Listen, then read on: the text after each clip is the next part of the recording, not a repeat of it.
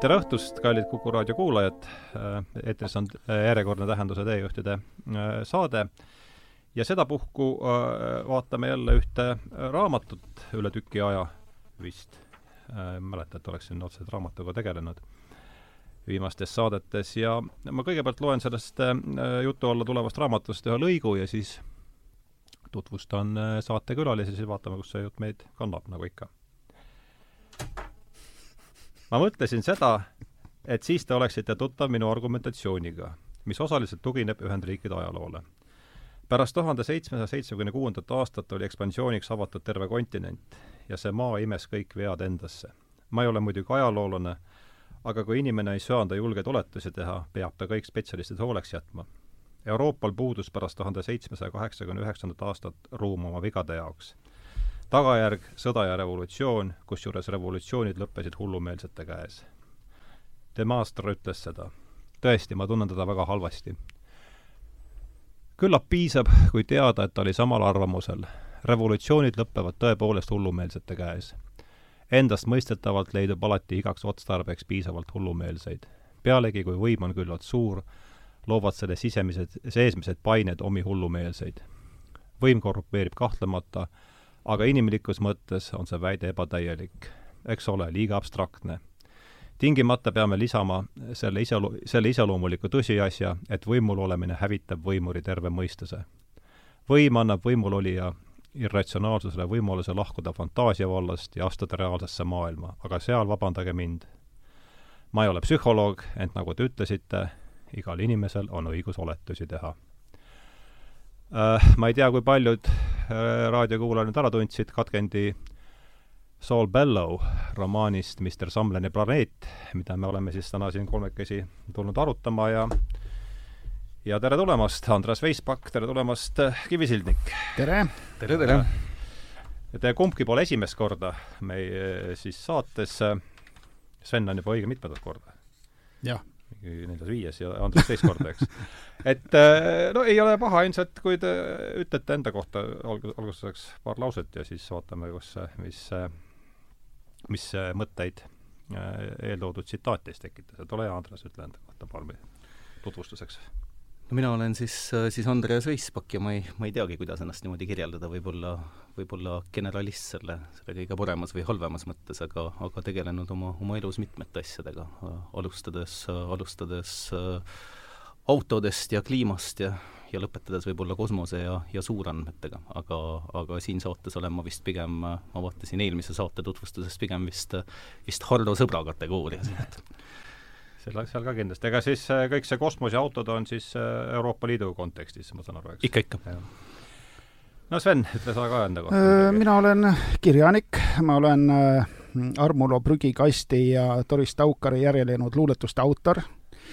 Ma kirjutasin just äsja ühe värsromaani, mis on siis mõjurikas teos seksuaalse frustratsiooni variatsioon, variatsioonidel umbes kuue, kuue nurga alt vaadates, alates siis looduskaitsest ja lõpetades islamirevolutsiooniga, muuhulgas siis laste kohitsemised ja, ja sotsialism.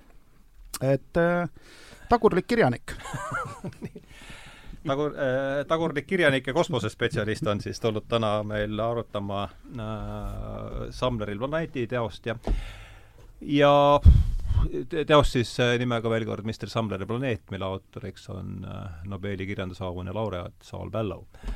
Äh, Andras, sa lõpetasid just raamatu, lugesid sa esimest korda seda või? jaa, ikka, jah. mis, räägi siis värskeid muljeid kõigepealt, mis, mis, mis mulje üldse raamat tekitas, ei ole ilmselt paha ka anda võib-olla väike ülevaade kuulajatele, kes ei ole lugenud sellest, mis seal, millest seal juttu on ja siis, kui võtamegi kõigepealt raamatu üldmulje ja siis järsku hakkame sellest ette loetud äh, lõigust seda niimoodi sikutama ja kõik võite vabalt äh, lugeda ette, mis endale meelde meelepärane on, et äh, mis mulje ra-, ra raamat jättis?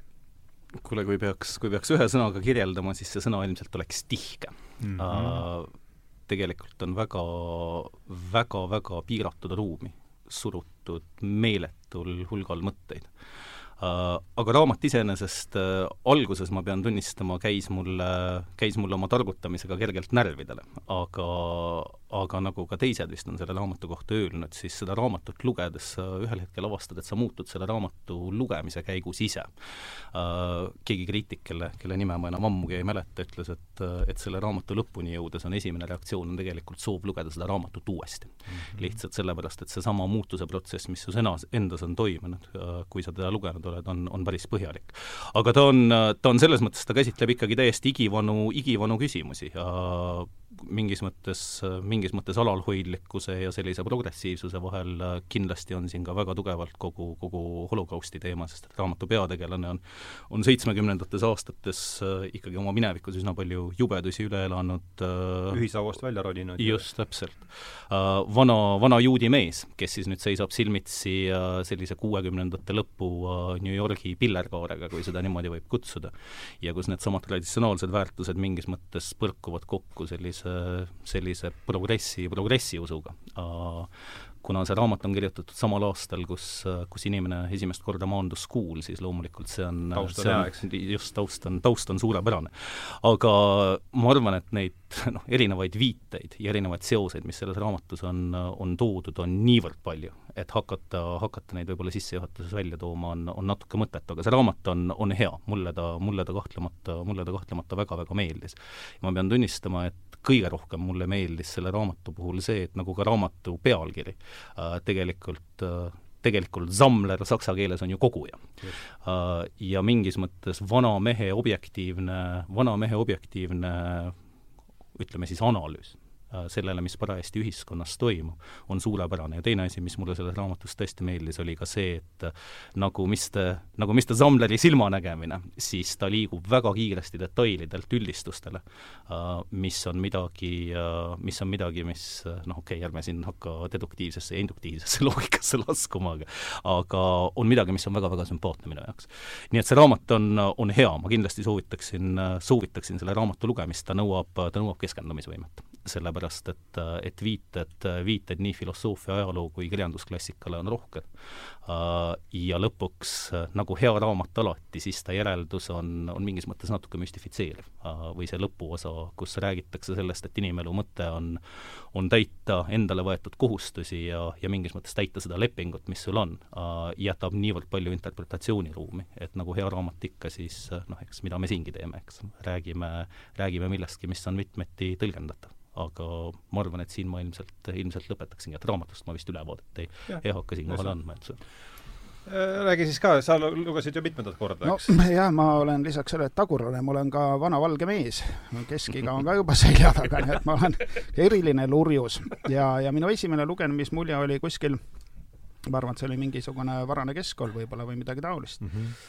võib-olla isegi, võib-olla isegi veel varem sest Peleu on ju selles mõttes nagu hämmastav nagu staarautor, et ta on ju, tema põhiteosed on eesti keelde tõlgitud enne seda, kui ta sai Nobeli preemia mm. -hmm. üldjuhul käib see teistpidi, kõigepealt antakse mingile junnile preemia ja siis tilgutatakse vaikselt seda häma nagu kuidagi eesti keelde, aga siin on tegemist ikkagi noh, väärika autoriga, üks asi, ja teine asi, tema noh, tema põhiteosed nii nii Herzog, Samleri planeet kui Püüa päev olid kõik juba olemas ja. eesti keeles. kaks tükki Loomingu raamatukogus, üks siis niisuguse korraliku kõvaköitelise väljaandena. et selliseid asju ei ole ka eesti keeles väga palju, et äh, meil mulle meenub veel Tranströmer, kelle minu arust Kaplinski tõlkis enne, kui ta, kui ta selle Nobeli sai, aga see ei ole tavaline mm. -hmm ja, ja, ja siis noh, mis ma nüüd mäletan, noh, ma mäletan ikka seda vaimustust, et noh, mulle on meeldinud tihe tekst ja ägedad raamatud mm. -hmm. no et mulle ei meeldi niisugune vaikne huiamine, meeleolutsemine, ninnu-nännu, vanaema kleidid esimeses raamatus, vanaema kleidid teises raamatus, vanaema kleidid kolmandas ja neljandas raamatus, no mitte midagi ei ole lugeda.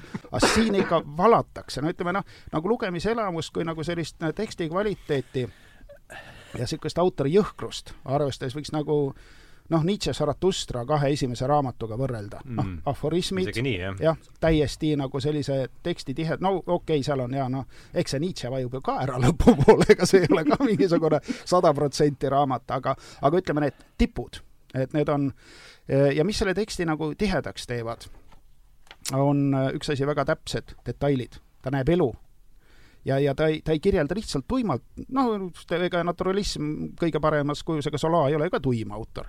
aga ütleme, Jakobson näiteks ikka suuremas osas väga-väga tuim naturalist, kirjutab küll elu, mingid detailid on, mingi asi on, kes ei tähenda ju mitte midagi. see ei ole sotsrealism ka mitte, see on, ta teab, mis, no lihtsalt inimene kirjutab, noh, olgu peale. vaba maa, ega siis Pätsi all ka kõik ei olnud keelatud. aga aga mis mulle tema tehnikas, ma arvan, noh, seda ma võib-olla ei osanud nagu kohe kohe, kohe nagu tähele panna, ega ma ei ole ju noh, sündinud kirjanik, ma olen ikka nagu pekstud kirjanikuks valu ja vaevaga. et, et mulle meeldib tema tehnika. et ühtepidi on ta väga selline kujundlik autor, noh, ma, ma olen selline kujundisektant ja ma arvan, et noh, ilma kujundita mingit kunsti teha ei saa. no mis see kujund on, võib-olla paari sõnaga öeldes, noh, mingi, mingi no ütleme siis, noh, raamatus on ta ju mingi teksti osa, on ta siis kirjeldus või või, või, või, või jumal teab mis noh, mingi väike asi, mis tähendab palju rohkem, mis võtab kokku, no ta on nagu gloobus, maailmamudel, mingi selline asi. ja, ja, ja, ja noh, eks noh, kujundeid võib olla ka igasuguseid, et noh, gloobuse asemel võib ju teha ka mingi väikse peldiku mudeli, noh, mis ei ole nagu nii kõikehõlmav asi. aga, aga Pellul on ikkagi see, et ta oma ajastut, oma kultuuri noh, väga täpselt analüüsib. nii, nii mhm. kujundi tasemel kuid siis noh, ütleme siin, eks ole, sai juba mainitud, et lobisema kipub, eks ole, et ta targutab liiga palju. aga, aga ma arvan, et see, noh, teades, see on, see on kirjutatud, eks ole, kuuskümmend üheksa vist, oli jah, kuuskümmend üheksa on tegevus.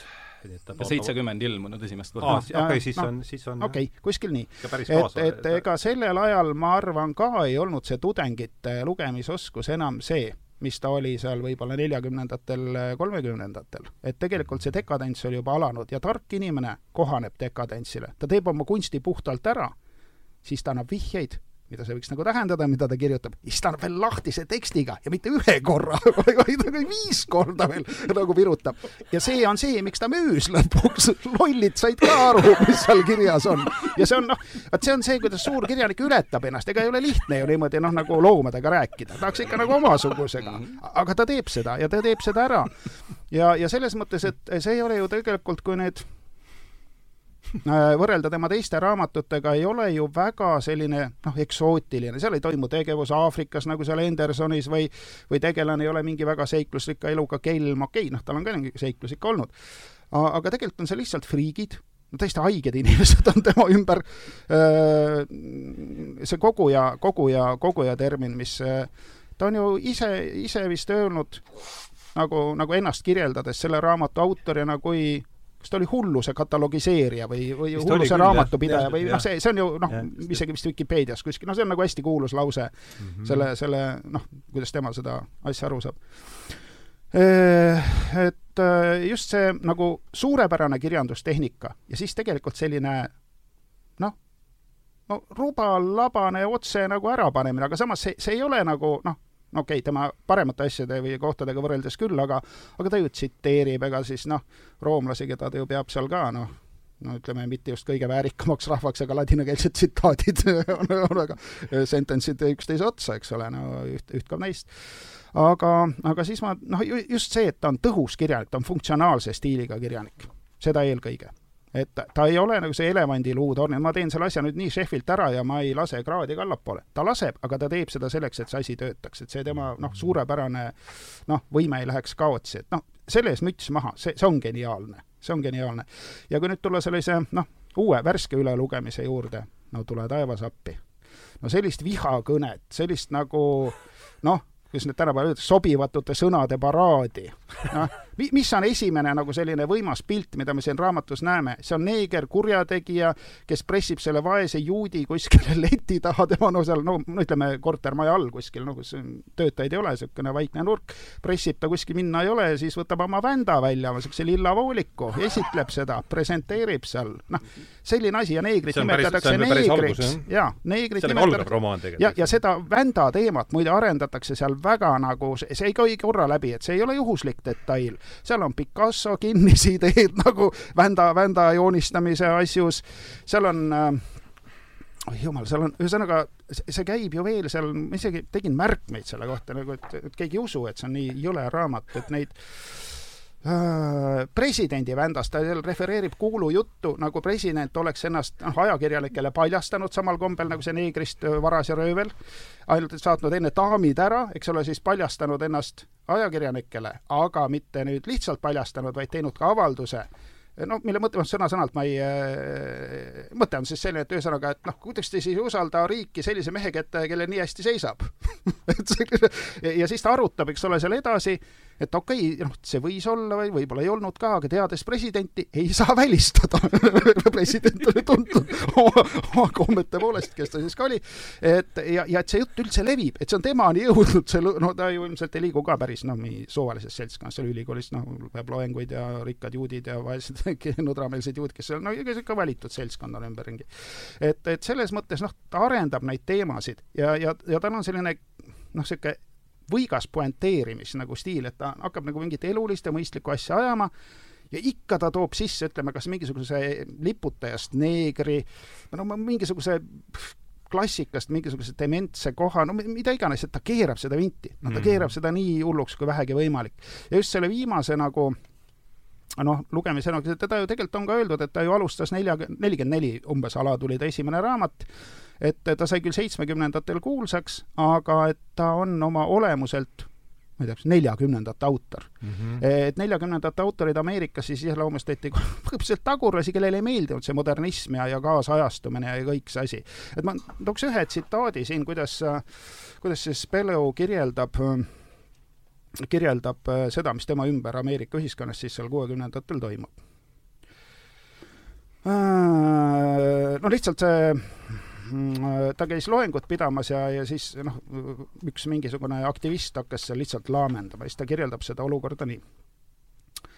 see kirg olla reaalne, aga reaalsus tähendab ka jõhkrust.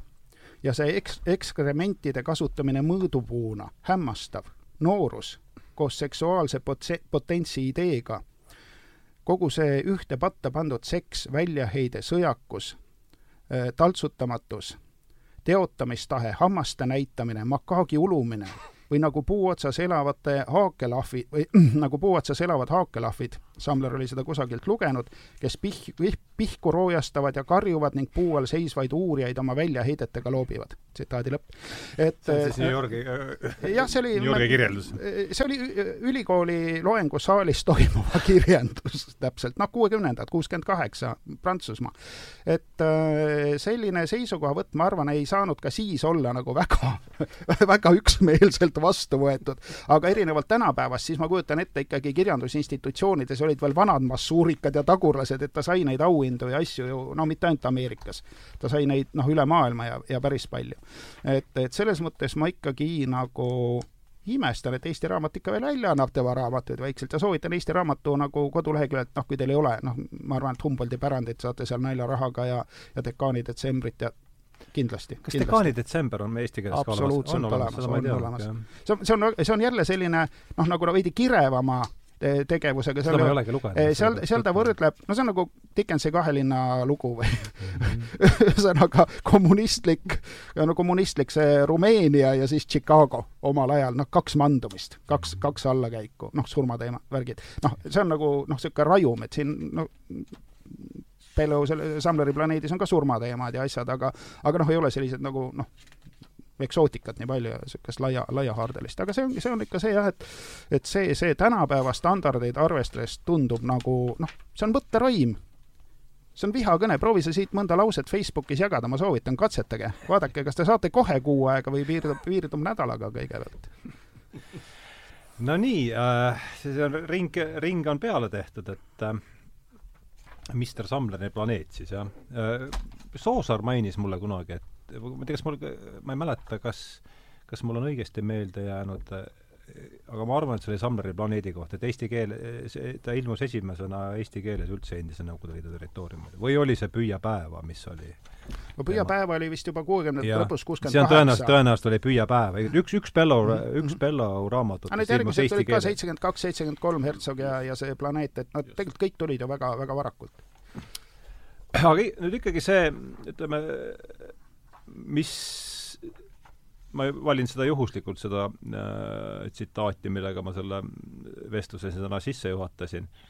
et, et noh, kõikides nendes kujunditest, noh loomulikult seesama Vända episood seal äh, päris raamatu alguses on, on, on meeldejääv, aga aga kui nüüd paar abstraktsiooni aastat kõrgemale liikuda, siis, siis see, siis ikkagi see lause, et et Ameerika kohta, mis minu arvates, kui me nüüd sellist laiemalt pildilt vaatame kogu seda meie planeedi ümber toimuvat kära praegu, et pärast seitsme, pärast seitsme, seitsmekümne kuuendat aastat oli Ühendriikides ekspansiooniks avatud terve kontinent, see maa avas kõik vead endasse ja, ja see haakub äh, natukene, ma ei tea, kas Hertsog, Andres, sa Hertsogi oled lugenud, ei ole?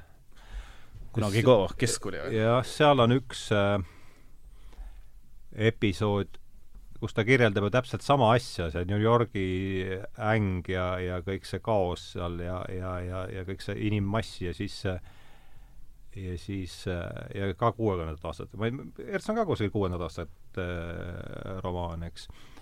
ja, ja siis ta ütleb jah, et ime, imestunult siis Hertsog, et, et et maakera rahvastik on jõudnud kolme miljonini või tähendab kolme miljardini, vabandust. Et noh, nüüd me oleme siis siin üle seitsme ja, ja, ja tundub, et see vaba äh, seda maad, mis meie vegu endasse imeks, jääb järjest, jääb järjest vähemaks, et äh, et ega ei olegi siin sellist äh, otsest kolmesõnalist äh, küsimust, aga pigem teema sulle, Andreas, et äh, tahad sa sellega kuidagi haakuda, see see meie siis noh, kogu seda vestlust hingestav küsimus on see, et mis meist siin üldse saab. et hakkame sellele siis vaikselt niimoodi otsima vastust. no ma võin sulle kohe alguses ära öelda, et minult seda vastust kindlasti ei saa. nojah, aga ja ma oleks üllatunud, kui, kui selle kusagilt saab, aga, aga see mõte aga mis ei tähenda, et me ei võiks selle üle siin arutada? kahtlemata, aga see mõte on, mõte on loomulikult õige ja ajaloos on neid paralleele, on, on ikkagi, on ikkagi äärmiselt palju, et äh, et nagu, nagu siin juba ennem, nagu siin juba ennem öeldud sai, siis siis hullumaja registri pidamine on üks asi, aga küsimus, mis minul muidugi selle peale kohe tekib, on see, et kas tegelikult uh, hullumaja registri pidamine mingis mõttes ka läbi selle raamatu, see, mis lõpuks välja tuleb, on see, kas me äkki kõik hullud ei ole uh,. Ja me tuleme tagasi siin kõikide nende, nende Vända ja Riista ja muude, ja muude teemade juurde uh,. Võib-olla võib-olla nii kolonialismis äh, üheksateistkümnendal sajandil tegelikult oli täiesti, oli täiesti ajalooline koolkond, mis, äh, mis suuresti arvas, et kolonialismi mõte ja laienemine muudesse kohtadesse oligi tegelikult suuresti, selle eesmärk oli rahu tagamine kodus. Mm.. Või vähemalt britid omal ajal väga selgelt ütlesid, et Indiasse eelkõige, aga kolooniatesse tervikuna saadetakse, saadetakse elemendid, kes on kodus kas disruptiivsed või keda neil lihtsalt vaja ei ole kui me mõtleme Vene impeeriumi peale, siis Vene impeerium äh, mingisugusel perioodil seal seitseteist, kaheksateist sajand tegelikult kasvas ikka paarisaja ruutkilomeetri võrra päevas sisuliselt. ja samamoodi, samamoodi on olnud ka, ka Rooma impeeriumiga ja, ja noh, mingis mõttes, mingis mõttes võib-olla tulles siin majandusteaduse juurde tagasi, siis, siis see, mida siin Krugman on rääkinud viimased kaks aastakümmet, on see, et meil ei ole õnnetuseks kusagil, kusagil Marssi, kuhu me saame midagi, midagi eksportida, nagu, nagu just nagu kaubandus, kaubandusbilansi, kaubandusbilansi raames tegelikult noh, me jõuame siin tagasi, me jõuame siin tagasi inimloomuse juurde, et me võime rääkida ratsionaalsusest, me võime rääkida progressiivsusest äh,, aga küsimus on see, kas seesama optimism, mis sellega kaasas käis, vaata kui me aasta aega taas, kui me aasta aega tagasi siinsamas istusime, siis me vist rääkisime Magnest Mäest ja stalinismist kui tsivilisatsioonist ja see, mis selle, selle raamatu puhul eriti silma jäi, oli seesama tõesti peaaegu et hullunud ja kõrva- ja silmaklappidega optimism, millega, millega kõik need, kõik need noored inimesed Magnetogorskisse jooksid, selleks, et, et luua uut linna, luua uut maailma, luua uut tsivilisatsiooni. selles mõttes kogu see, kogu see, noh, ma ei taha seda spirituaalseks päriks kutsuda, aga, aga kogu see, kogu see emotsionaalne tung kuhugilegi liikuda tekitab, tekitab ikkagi üsna, üsna olulise küsimuse inimeste kohta tervikuna, mis on see, kas me oleme päriselt mõeldud üldse paigal seisma.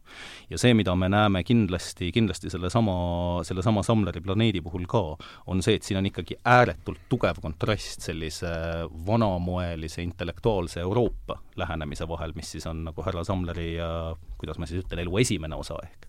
ja selline, sellise tormaka edasipürgiva ja kõik kõikvõimalikku lubava äh, Ameerika lähenemise puhul äh, see on, see on küsimus, see on küsimus, kus ma muidugi jõuan kosmose juurde kohe tagasi, eks. sellepärast, et tänapäeval on, tänapäeval on, ma arvan, maailmas noh, nüüdseks juba ilmselt vähemalt kümme erinevat ma ei tea, kas grupeering on õige sõna, aga olgu nad siis, olgu nad siis riiklikult subsideeritud või olgu nad eraettevõtlusega seotud, tegelikult gruppi, kes täiesti selgelt näevad, et kuu koloniseerimine on midagi, mis on inimkonna ainus lootus küsimus on muidugi seal see, kas see on lihtsalt eskapismi, eska-, eskapismi üks vorm uh,.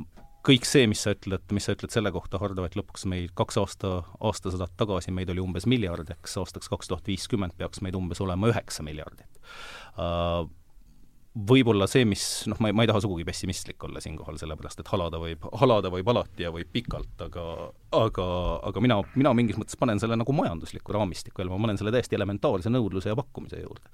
mis on see, et kui sul on midagi, antud juhul siis inimene, mille pakkumine kasvab niivõrd kiiresti, siis äh, iga üksikühiku väärtus mingis mõttes peab paratamatult langema, kui neile ei leita, kui neile ei leita mingisugust rakendust. mistõttu ma selles mõttes, selles mõttes ma selle, selle, see raamat on väga humanistlik tegelikult, see, mis Sven ütleb, on kahtlemata õige, on see, et ta on jõhker, ta on tänapäeva mõttes poliitiliselt ebakorrektne, minu jaoks oli seda lausa nauding lugeda. just nimelt sellel, just nimelt sellel siin. samal põhjusel. sellepärast, et, et see, kus me mingis mõttes oleme täna, on see, et noh, eks iga, eks iga põlvkond muidugi kujundab enda, enda reaalsust uuesti, aga ühel hetkel, kui seos sõnade ja tegelikkuse vahel hakkab kaduma, tol hetkel tekib küsimus, mida kurat me üldse kirjeldame Mm sellepärast, et sellisel juhul me liigume ära ühi-, ühendnimetaja juurest ja me hakkame kõik kirjeldama asju, mis toimuvad tegelikult meie, meie väikestes universumites meie peas, mistõttu seesama ühisosa, millest me üldse rääkida saame, on, on üsna väike. aga igal juhul tulles, tulles tagasi sellesama, sellesama veaparanduste juurde ega need veaparandused ka ei toimunud äh, kuidagi väga sellises äh, õndsas altruistlikus ja sõbralikus, sõbralikus keskkonnas, eks. Äh, tasub ainult vaadata seda, mis, mis põlisindiaanlastega juhtus Põhja-Ameerikas või veel hullem, mis juhtus Lõuna-Ameerikas. Siis, kui hispaanlased ja portugallased sinna, sinna saabusid, ega, ega, ega see vigade parandus nagu alati, noh, ma ei taha relativist siinkohal ka olla, aga, aga mis nurga alt sa seda vaatad. Meie võib-olla parandasime oma vigu ja mingis mõttes see oli ventiil meie enda ühiskonna jaoks, kahtlemata nende põlisrahvaste jaoks, kes seal olid, oli see kõike muud kui ventiil. nojah, selles mõttes, et Lõuna-Ameerikas tegelikult saja aasta jooksul kadus üheksakümmend viis protsenti elanikkonnast, küll mitte läbi selle, et nad ära tapeti, aga, aga suuresti läbi haiguste ja kõige muu. aga ei saa, ei saa kuidagi väita, et see oleks, et see oleks nende jaoks kuidagi olnud humaanne, humaanne või kasulik nii et hea äh, tähelepanek, jah. noh, raske, raske öelda, see on lihtsalt fakt, eks, et see isegi ei ole, see isegi ei ole, ei ole võib-olla niivõrd, niivõrd äh, ainus asi, mille juurde ma võib-olla saan siin tulla või mida ma saan öelda, on seesama ärakuulutatud tsitaat, mis on, mis on see, et põrgutee siiski on tihtipeale väga-väga heade kavatsustega sillutatud. Äh, ja me oleme tegelikult ma lugesin, ma lugesin sedasama raamatut lugedes eile, ma lugesin hästi lühikest äh, kirjatükki, noh pigem nagu esseed Hermann Hesse poolt kirjutatud kaheksateistkümnendal aastal, mille nimi on Eurooplane mm., kus me oleme täpselt sellesama intellektuaalse abstraktsuse ja väga tegusa siin ja kohe edasipürgimise juures. ja see, kuhu tema muidugi selle eurooplasega jõudis, oli, oli väga, oli, oli väga kiire, oli, oli nii-öelda kolm, kolm hurraad meie, meie tolale, sellepärast et samal ajal, kui hindud ja, hindud ja hiinlased ja kõik loomaliigid selles noalaevas siis kirjeldasid kõiki neid praktilisi asju, mida nad, mida nad oskavad ja mida nad saavad teiste heaks teha, siis seesama äh, õnnetu eurooplane, kes oli ainus ja, ja sellest maailmasõjast läbi tulnud ainus, mida tema sai pakkuda, oli, oli mingisugune intellektuaalne targutamine, mis kestab põlvkondi ja millest ka tegelikult kellelegi kasu ei olnud, mistõttu järeldus, järeldus Jumala puhul oli see, et, et eurooplane on meile saadetud hoiatuseks. selleks, et, selleks, et mingisuguseid asju, mingi, mingisuguseid asju vältida Valah, kuule, aga siin ma äkki lõpetaks, sellepärast et mul väga see konkreetne... oli nüüd Hesse, anna palun see video äh see oli Hesse, see oli essee, mille nimi oli Eurooplane, mis minu meelest ilmus aastal tuhat üheksasada kaheksateist. Uh, mis uh, noh, mida ma siin ümber jutustama jällegi ja, ei hakka, aga mis oli, aga mis oli väga tabav lihtsalt selles mõttes, et ta toob meid täpselt tagasi sellesama asja juurde, millest räägib ka, millest räägib ka Bellow, mis on, uh, mis on abstraktne elu omas peas ja midagi, mis võiks olla kasulik mitte ainult sulle, aga ka kõigele sellele, mis su, mis su ümber on uh,. õnnetuseks, õnnetuseks inimene on mingis mõttes nagu vastandnäidustus selle kohta, sellepärast et see, mis me teeme, on pigem, on pigem hävitav sellele, mis on meie ümber paratamatult ja ma arvan, et see seitse, täna, täna seitse, aastal kaks tuhat viiskümmend üheksa miljardit, eks näitab täpselt sedasama asja on äh, ja ma ei taha siin rääkida mingist kliima soojenemisest või millestki muust, ma pigem räägiksin nagu lihtsalt liigirikkusest, eks. me oleme mingis mõttes endale võtnud jumaliku rolli ja nüüd ma kardan, et me oleme olukorras, kus meil ei ole enam valikut. kus me kas mängime selle jumaliku rolli välja või me ei, või me ei mängi ja kui sa oled optimist, siis sa usud, et me oleme, noh, meil päike, päikesel peaks olema veel mingi viis-kuus miljardit aastat aega, eks, enne kui ta meil ära kustub. Et äh, optimistlik visioon on see, et me kuidagi, kuidagi areneme millekski, mis ei ole enam kaugeltki bioloogiline ja võib-olla on, on siin paari, paari, no mis paari miljardi, me ei, ma arvan, et juba kümme aastat tulevikku vaadata on suhteliselt nagu, suhteliselt nagu optimistlik, et üldse midagi prognoosida aga aga lõppkokkuvõttes negatiivne stsenaarium on see, et järgmise saja aasta jooksul, kui sa loed, kui sa loed inimesi nagu Martin Rees, kes on ilmselt, kes on ilmselt äh, astroloogias ja kosmoseteaduses tänapäeva, tänapäeva võib-olla, võib-olla juhtiv tegelane, siis tema annab inimkonnale umbes viiekümneprotsendilise võimaluse üldse säiluda järgmise, järgmise viiekümne, saja aasta jooksul. et, äh, et mingis mõttes me oleme siin kõik sellise kuidas ma siis ütlen, põrgu eeskojas, mis on, mis on sellesama hullumeelsuse võib-olla parim nagu näidistus. nii et äh, voilà, Hardo, ega ma midagi muud sulle selle kohta ei oska öelda, mul ei ole, mul ei ole mitte mingisuguseid tuleviku, tuleviku nägu kuidagi paiknevaid, paiknevaid ennustusi, ennustusi pakkuda, mul ei ole aimugi, mis juhtuma saab. ainus asi on võib-olla see, et äh, selge on see, et mitte keegi mitte midagi päris kindlasti ei kontrolli, selles ma olen täiesti veendunud jah, see tuletab mulle meelde kunagi üks ehit-, ehitusettevõtja SEBA mingil kliendi kohtumisel rääkis loo sellest, kuidas ta läks objektile ja küsis oma tööde juhataja käest, et kas olukord on kontrolli all ja see sai vastuseks, et on küll, aga ei tea kelle. et see on see on, see on, see on, kunagi ilmus inglise keeles ühe sellesama Euroopa Liidu inglasest ametniku memuaar, mis rääkis sellest, kuidas, kuidas Briti saadik vist Portugalis sõitis oma autojuhiga ringi ja loomulikult ühel hetkel ei olnud kellelgi enam aimugi, kus nad täpselt on ja siis ta tagant pöördus oma autojuhi poole ja küsis, et, et kas te oskate meile öelda, kus me oleme. mille peale autojuht ütles talle, et mul ei ole aimugi aga ma olen lootusrikas no nii, aga Sven, aruta sina ka palun siis seda, mm, seda viga, vigu endasse imevat maad, et me oleks, et natukene oleks, püsiks jutuajamine vähemalt ühes sektoris mm, mõnda aega. nojah, et äh, eks jah, kui on, kui on ressursse, saab teha vigu. kui enam ei ole, ei saa ka teha vigu. just ja maa on üks res-, üks et, väga hea. et vead lõpevad ära nii või teisiti, koos ressursi lõppemisega.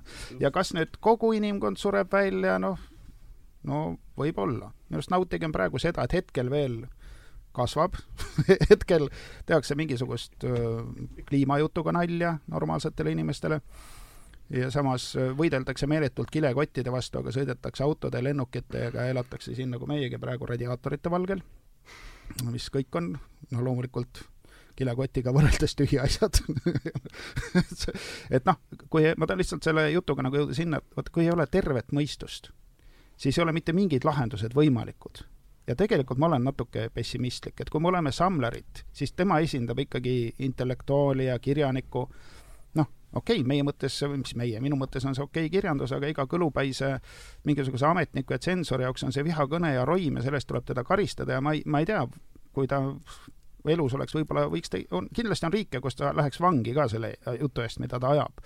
aga samas, noh, nii kaua, kui sellised inimesed ja raamatud on olemas, nii kaua, kui keegi esindab tervet mõistust nii kaua ei ole lootus kadunud, keegi ikkagi kirjeldab maailma sellisena, nagu ta on, keegi kirjeldab inimest sellisena, nagu ta on, ja keegi ei häbista kirjandust ega lihtsalt ei ela sellest, selle noh, kunagi noh, loodud mainega mingis žanris, noh, no ühesõnaga noh, nagu kunagi oli ju probleem selles, et noh, näiteks meil Tallinnas on ilus vanalinn ja keegi esitab sinna mingisuguse plekist karbi, et jube ilus miljöö, eks ole, aga ta ei ole seda miljööd esiteks loonud. teiseks on ta selle ära rikkunud. et kirjanduses toimub seesama et see miljöö, mis kunagi noh, Sofoklees on loonud on, on siis nüüd mingisuguste mudlumite ja, ja tinnurite poolt nagu nii rüvetatud, et noh, jälgegi enam ei paista selle risuunnikute tagant, mis on püsti aetud. et, et selles mõttes on väga oluline, et keegi kuskil tuletab meelde, et ikkagi on olemas isegi kui praegu ei ole, on olnud häid autoreid, on olnud mõtlemisvõimet ja võib-olla see mõtlemisvõime taastub kunagi võib-olla see taastub, sest noh, praegu ei ole kõiki raamatuid veel ümber kirjutatud võib-olla ainult mõni Pipi Pikksuke, mõni teine sotsialistide kätte sattunud laps, lasteraamat ja aga, aga kus, kuskil võib ju mõni originaal veel alles olla mingi aja pärast ka. et ma, ma arvan, et see on ikkagi see mõtlemise, mõtlemise asi. eks tänapäeva üks hullemaid vigu ongi see, et kui sul tegelikult töö juures ei lähe aju vaja ja sul ei lähe vabal ajal, vabal hetkel meelelahutuse tarvitamiseks aju vaja, see tähendab seda, et seda organit sa ju tegelikult ei pinguta mitte kunagi ja, ja inim-, noh, kunagi kirjutasin siin mõne päeva eest ühe essee, mille mõte, noh, lihtsalt refereerin paari, paari lausega, on see, et inimesed on äpistunud. et äh, inimesed on muutunud äppideks, kes laevad pilvest alla valmis lahendusi, nad ei analüüsi neid, nad ei jõua ise mingisuguse tulemuseni. noh, et ma võrdlesin nagu tänapäeva sellist noh, ütleme kas või kliimaaktivisti arvutiga, aga, aga selle vahega, et kui arvutil on viiruse tõrje, siis temal on peal selline programm, mis otsib uusi viirusi, laadib need alla levitab neid kogu oma võimsusega. et, et see, see äpistunud, äpistunud inimene, no mis täielik trans, transhumanist. noh, see, seal ei ole inimesega enam ju tegelikult väga palju tegemist, kehaliselt on ta ammu juba mandunud, aga okei okay,, no vanasti ikkagi see tööstusrevolutsioon, noh, ükskõik kontoriinimesed ja liini taga oma niisuguseid sundliigutusi tegevad inimesed kehaliselt noh, nagu mandusid, aga no veel oli vaja mõelda, veel oli vaja, vähemalt vabal ajal loeti raamatuid ja ajalehti, mis ei olnud need raamatud ja ajalehed, no ja, ja, ja kinogi ei olnud olemas, rääkimata internetist. et oli tarvis, ka töö jaoks oli tarvis rohkem nagu ajusid pingutada. et see asi, noh, ega aju on, aju on lihtsalt nagu lihas, see on üks organ inimese kehas ja see on puhas teaduslik fakt, kui seda organit ei kasutata, kui teda ei pingutata areneb see, mida kasutatakse, ressurssi antakse selle jaoks. see on, see on nagu kontidega. sa võid süüa endale väga palju kaltsiumi sisse. aga organism laseb selle kaltsiumi kõik välja, sest sa ei kasuta oma keha. no miks tennisemängijal on üks, ühe käe kondid palju jämedamad kui teisel, sest ta mängib selle käega, see saab vatti, see saab koormust ja keha paneb sinna ressurssi. ja kui sinu aju ei saa vatti, siis ta ei pane sinna ressurssi. et see on selles mõttes ikkagi noh, seesama raamat, millest me siin räägime, on ju tegelikult üks tuleviku tagatis, see on võimalus oma aju käima tõmmata. selge see, et no inimene kunagi varem midagi lugenud ei ole, anna talle see planeet kätte, noh, võib-olla arvab, et see on allpulme raamat, noh, rakette ei tulnudki, no oli mingisugune, Hindu kirjutas midagi kuust ja, ja, ja üldse ei olnud huvitav lugeda, eks ole roboteid ei olnud ja sõda ei käinud ja et, et selles mõttes see on, sellised raamatud on ressurss ja sellised raamatud on lahendus ja tegelikult ega Peleu ju ka ikkagi noh, mingis mõttes pakub mingisugust positiivset lahendust, selge see, et tal ei ole mingisugust tehnoloogilisi nõkse välja pakkuda, aga aga ma ei tea, kas ta siis juba luges, aga ta oli ikkagi selline vaimsuse huviline, ta luges Steinerit ja mingeid selliseid teisi, noh, ma ei tea, minu meelest okultiste. ja, ja ta pidas ikkagi noh, tal sageli on see küsimus ka, et kas see maailm nüüd ongi kõik või, või on see maailm ka mingisuguse teise noh, mingi päris asja vari või, või midagi, see võib kuskil mingi päris asi ka olemas. et äh, et noh, ma ei tea, normaalsele mõistlikule inimesele vist on väga raske seletada, et vaimsus võiks olla nüüd mingisugune lahendus. sest ta, me ei näe kuskil oma elus, kus vaimsus oleks lahendus. no võib-olla me näeme tahtejõudu või mõnda üksikut sellist noh, noh, noh, et keegi noh, ma ei tea, midagi teeb nagu noh, mitte päris toore jõuga, vaid kuidagi tekitab selle toore jõu mingisugusel emotsiooni või, või tahtejõu baasil. aga, aga, aga jah, me, me ei usu ju imesid. me ei usu imesid, sellepärast et ime on ju, no ütleme siis, kuidas defineerida, see on mingi asi, mis juhtub nii, et me ei saa aru, no mingi, mingi asi, mis on võimatu, aga me elame praegu Eesti riigis, mida mitte ühegi statistilise ega mingisuguse meetodiga ei oleks saanud ette ennustada, ja praegugi on ta nagu raskesti ettekujutatav nagu asi üldse. Er,. lisaks veel see, et meil on mingi oma kultuur, ma ei tea, meil eestikeelseid inimesi on üldse võib-olla kaheksasada tuhat, erinevalt muudest inimestest jääb vähemaks ja me ka tegeleme oma kultuuri asemel Aafrika kultuuri edendamisega, vaata, et Vikerkaare numbreid ja Loomingu raamatu, kus see vähene ressurss, mis meil on selle oma asja ajamiseks, see läheb ju tegelikult globalismi nagu mahitamisse väga sageli, kui ta ei lähe päris totruste peale. et meil ikkagi on olemas niisugune noh, väikesel rahval kaasaegne noh, ja, ja täiesti tasemel kultuur, mis sest, et see tase kukub ja, ja nii, no paar põlvkonda võib-olla võibki kukkuda, ikka on kukkunud see esimene kord ei ole, viiekümnendad olid väga masendav aeg ja neljakümnendad. et noh, sellise mingi, mingi aja elab ülekukkumist. aga kui kukuvad korraga nii tase, rahvaarv, noh veel midagi, no võib-olla siis on nagu nagu meie selle muistse vabadussõjaga, et noh, liiga palju kukkumisi oli korraga, liiga palju vaenlasi tuli korraga, rootslased, venelased, sakslased, noh, mitu põlve käis sõda, noh, mehi, mehed said otsa. ja, ja kui nüüd juhtub veel mingi olukord, et mehed saavad otsa, siis, siis ongi tuuga. aga me peame ikkagi nagu, noh, minu, minule annab see küll enesekindlust, et noh, mingisugune väike noh, kartulikasvatajate noh, ma ei tea, mis asi ta siis on riigiks nagu palju, üks talu üks kartulikasvatajate talu võidab sõja Vene impeeriumi vastu, ükskõik kui pekkis see ka omal ajal oli, ja siis noh, ikkagi veel hingitseb mingisuguse täiesti noh, brutaalse globalismi ajal. On ju näha veel hingitsemise märke, no okei okay,, et see ei ole ainult meil siin, no igasugused väga kahtlased tüübid tõstavad, noh, Trump on näiteks üks väga niisugune mitteennustatav paha ime, eks ole, juhtus, kui ta keegi ei saa aru, et selliseid asju nagu juhtub. et üks asi, et noh, minu meelest ikkagi, kui me siin oleme, et me elame tegelikult, ma ei oska öelda, nagu lendaval vaibal, sellist asja ei tohiks olemas olla. see on olemas. ja, ja, ja, ja võib-olla on veel mingi, aga kui üks ime on juhtunud, võib-olla juhtub teine veel. aga võib-olla juhtub. et selles mõttes ei maksa ka nagu noh, ennast nagu sellise statistikaga statistika ja, ja selle vähese füüsikaga, mida me teame, nüüd nii väga piirata. et võib, võib-olla seal on selle noh, vaimsuse uba. et ikkagi see imevõimalus, et noh, aga võib-olla ongi täheportaalid olemas tegelikult, noh, lihtsalt meil ei ole, meile ei anta, meile seda väärt, me ei kuulu sellesse seltskonda. võib-olla on mateeriamuundurid juba olemas, me ei tea seda. võib-olla lahendus on kõigi asjade jaoks olemas, lihtsalt see on rikkamate jaoks. et noh, ma ei tea, oleks ma rikas, ma ütleks teile, kus asi käib, võib-olla mind tapetakse siis ära või arvatakse, et ma olen hull või vandenõuteoreetik, aga aga, aga noh, mina olen imeusuline, sellepärast et et minu, minu ümber, minu elus on imesid, ma näen imelisi autoreid, ma näen imelisi raamatuid. noh, ja kuna ma loen no mitte ainult seda, mis on edetabelites ja mis on eesti keelde tõlgitud, siis ma näen, et neid imesid on palju mm. -hmm. ja neid ei saa, noh, neid ei ole saanud kuidagi ennustada, neid ei saa korrata aga need on pretsedendid pretsedendi järel. mis on kirjandus? see on üks imede rida. Jaan Oksast ja Tammsaarest üle Mati Hundi ja Eelvesti siiani. ühtegi sellist asja ei oleks tohtinud juhtuda. ja need ei juhtunudki rohkem, ühe korra. ja siis tuli järgmine. et sellise positiivse noodi tooks nagu, noh, ei jah, on, ma, ma saan aru, et kõik on halvasti. Mhm. ja, ja igasuguse loogilise mõistuse järgi võib-olla ei olegi väljapääsu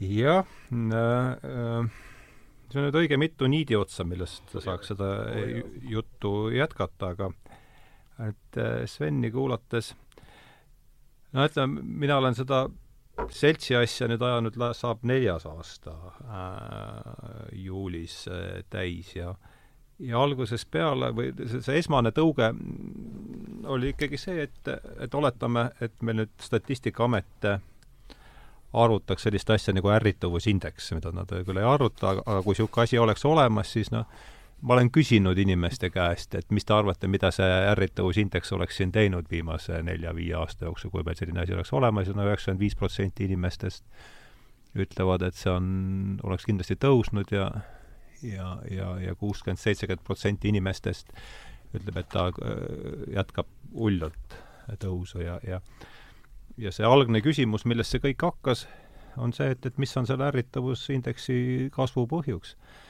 ja olen seda asja siin uurinud üht ja teistpidi ja nüüd jõudnud ikkagi just selles, et, et me justkui sellesse konteksti, kus see Samler tundub olevat äh, aktuaalne, et me oleme liigina justkui mingisse kinnisesse ruumi nii füüsilisse kui vaimsesse ruumi suletud äh, rotikari, kes hakkab üksteise vastu pöörduma, et et, et küsimus on siin selles, kuidas sellest suletud ruumist, olgu siis, olgu see siis äh, füüsiliselt ruum või vaimne ruum, et kuidas me sellest kuidas me sellest suletusest, kuidas me jälle selle horisondi lahti saame, et äh, et ja ja kui mingi asi on, mingi asi, asja peetakse suletuks, siis noh, see tõsiasi, et ta osutub lõpuks ikkagi avatuks, on just seesama ime, millest, millest Sven siin äsja rääkis, et et kus kandis sina seda äh,, kus, kõigepealt, mis sa arvad üldse, Andres, sellest, sellest suletuse, suletuse probleemistikus ja ja kuidas me saaksime noh, ütleme see ruumilise, ruumiline lahendus on siin, eks äh, uljamat sorti äh, liinibussid Kuule äh,, kus seal toimuva siis su suurema asumi ehitusega, aga on siin ehk, on siin ehk teisi lahendusi, mis lööksid selle ühesõnaga, kuidagi on vaja see silmapiir selleks, et as-, jällegi niisuguse oma piiratud arusaamise võimes, et kui seda horisonti avada ei suuda, et ega siin vist midagi sellist, midagi väga helget äh, tulemas ei ole, et äh, kus, nii, siit ma lõpetan, annan sulle äh, kommentaariks ja jätkamiseks järje üle. ja suur tänu sulle, Hardo, siit tuleb juba teine selline tõeline tõeline vastuseta, vastuseta küsimus, ma lihtsalt kuulasin, ma kuulasin Sveni ja nagu sa ütled, sealt tuli, sealt tuli, ma arvan, kuus või, kuus või seitse erinevat, erinevat niidi otsa. Uh, võib-olla alustaks, alustaks sellest samast nagu kultuurist ja alustaks tegelikult äh,, alustaks tegelikult Eesti kultuurist ja alustaks sellest samast imest. Äh,. ma jällegi olen noh, ma olen, ma olen oma elu elanud niivõrd palju väljaspool Eestit ja tegelikult, ja tegelikult noh, näinud, näinud erinevaid kultuure ühest ja teisest nurgast. aga kõige hämmastavam on see, et ma, kui päris aus olla, ma ei ole, ma ei ole kindel, kas, kas vähemalt kirjakeeles on, olen ma tugevam inglise või eesti keeles, aga see, mis mind hämmastab kõige rohkem, on seesama eesti keele keeleline jõud ja kas või ise kirjutades, see, mis ma alati avastan, on see, et eesti keelega on oluliselt lihtsam mängida ja oluliselt lihtsam luua neid väikseid imesid, millest sa räägid, kui, kui teda on keeltes, kus üks sõnavara on suurem, aga kus, ja ma ei tea, kas see tuleb lihtsalt, lihtsalt sellest, et see on see keelekeskkond, kus ma noorena üles kasvasin, aga lühidalt, eesti keel on midagi, mille väärtus, just seesama imeline väärtus on minu jaoks on täiesti meeletu ta on meeletu sellepärast, et ta annab paindlikkuse, ta annab avastamisruumi, mida, mida minu jaoks vähemalt ei ole ei inglise, ei prantsuse, ei vene keeles, mis on, mis on noh, võib-olla teised keeled, mida ma, mida ma vähemalt, vähemalt enam-vähem, enam-vähem valdan. imede imedel on omadus olla, olla väga-väga põgus, et, et see on natuke nagu inimese õnnest rääkimine. on see, et, et kui ma siin, kui ma siin abikaasaga vaidlen, kes mulle, kes mulle sellise, sellise kognitiiv- ja neuroteadlasena ütleb, et inimese, et imi-, et inimese roll ei ole üldse ollagi õnnelik ja me ei ole bioloogiliselt loodud selleks, et ollagi õnnelikud. aga ma arvan, et needsamad imed juhtuvad tegelikult hetkeliselt ja see, millest räägib Sven, on tegelikult isemõtlemisvõime, millele ma kirjutan küll mitte sada, aga, aga vähemalt viissada, viissada protsenti alla. ma arvan, et see on see, mida me oleme minetamas. on see, et kusagil keegi lahendab meie jaoks midagi on needsamad valmis loodud äpid, on mingisugused süsteemid, kus me tegelikult tiksume võib-olla mitte nagu rotid puuris, aga kindlasti nagu oravad, kes lihtsalt jooksevad mingisugust etteantud rada pidi. ja seesama isemõtlemisvõime on midagi, mis, mis minu meelest ei, ei tohiks ära kaduda sellesse, sellesse noh, mingis mõttes nagu ortodoksusesse, mida me, mida me hetkel näeme.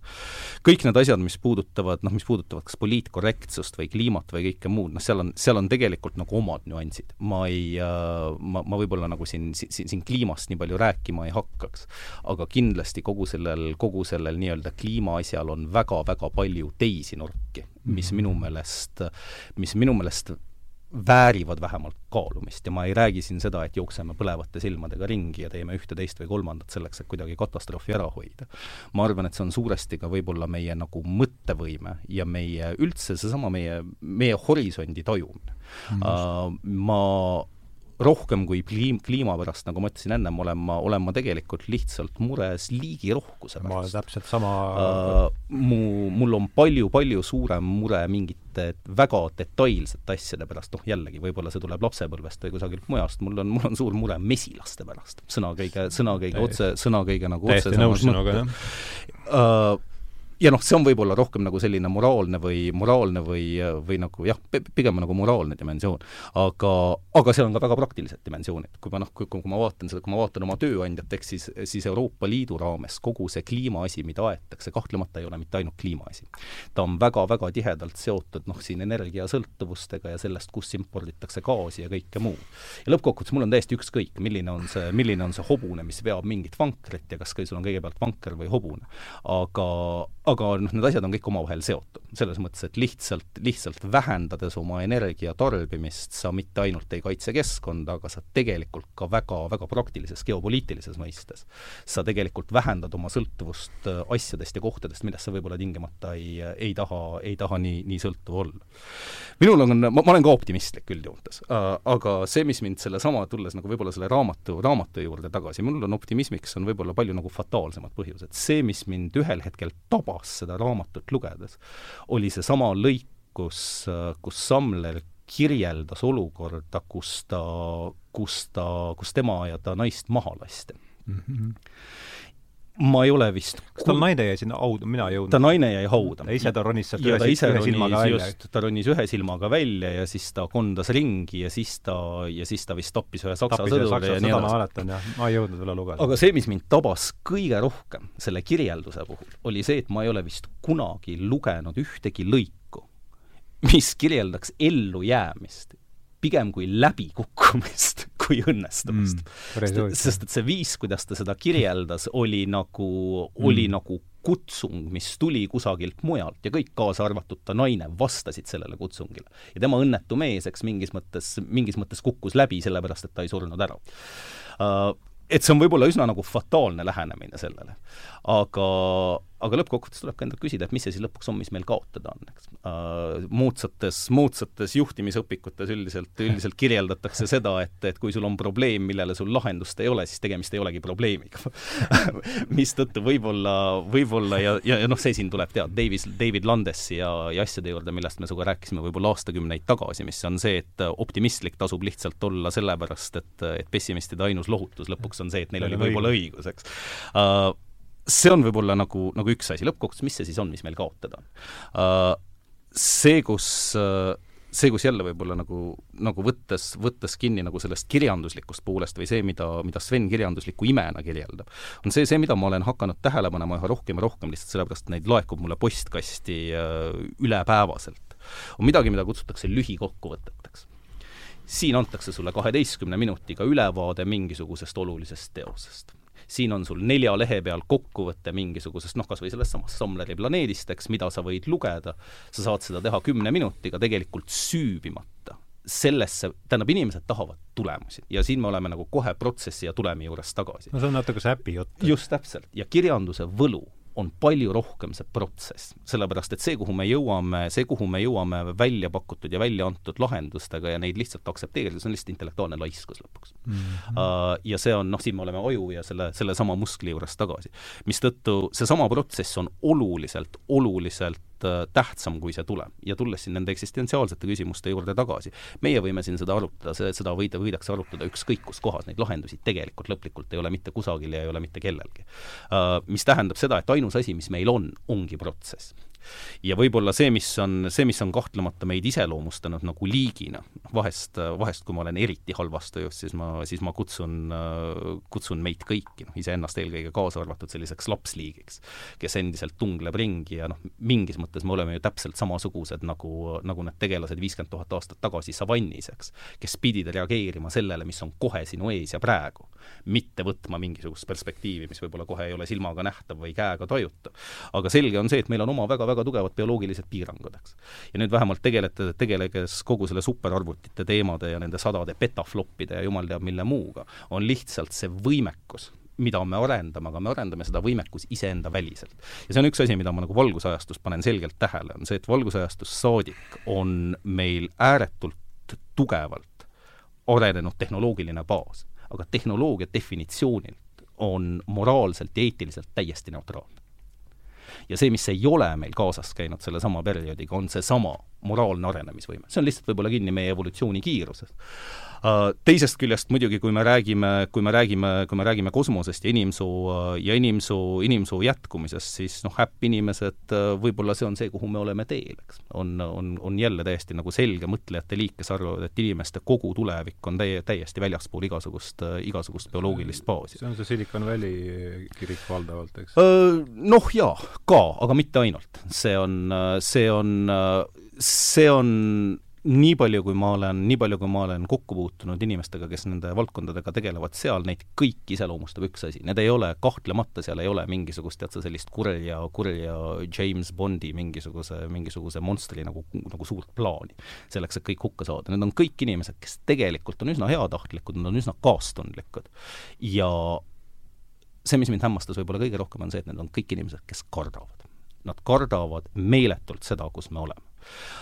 aga hirm ei ole, noh, hirm ei ole üldiselt väga hea, hea juht, kui sa, kui sa pead mingisuguseid, kui sa pead mingisuguseid otsuseid langetama.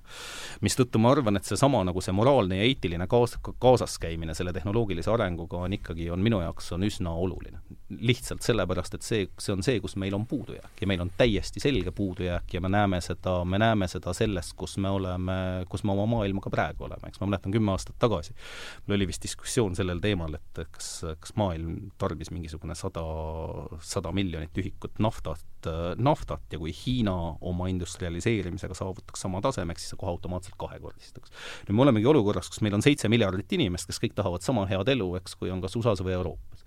nüüd meil on nagu noh, tegelikult see eetiline valik on ikkagi nagu üsna suur, ühest küljest mitte miski ei saa, ei saa tekitada olukorda, kus me ütleme, et teil ei ole selleks õigust teisest küljest on täiesti selge see, et vähemalt meie olukorras, kus me juba praegu tarbime enam-vähem kaks planeeti Maa, eks, võrreldes sellega, mida me saaksime tarbida, on, on see, on see noh, jälle abstraktsiooni ja selle vahe, mis on kohe su silme ees. Ja ma arvan, et see on õudselt oluline, sest et see on see, kus on meie, kus on meie kõige suurem bioloogiline piirang, ma arvan, et enamik meist kohaneb alati sellega, mis on kohe meie silme ees ja mida me, mida me saame käega katsuda ja silmaga näha ja see võime tegelikult oma abstraktsioonis minna edasi on suurem ja samal ajal me oleme selle, läbi sellesama tehnoloogilise arengu, eks, ja vähemalt sellele rollile, mis me oleme võtnud planeedil Maa, me oleme endale tegelikult üha rohkem võtnud Jumala rolli.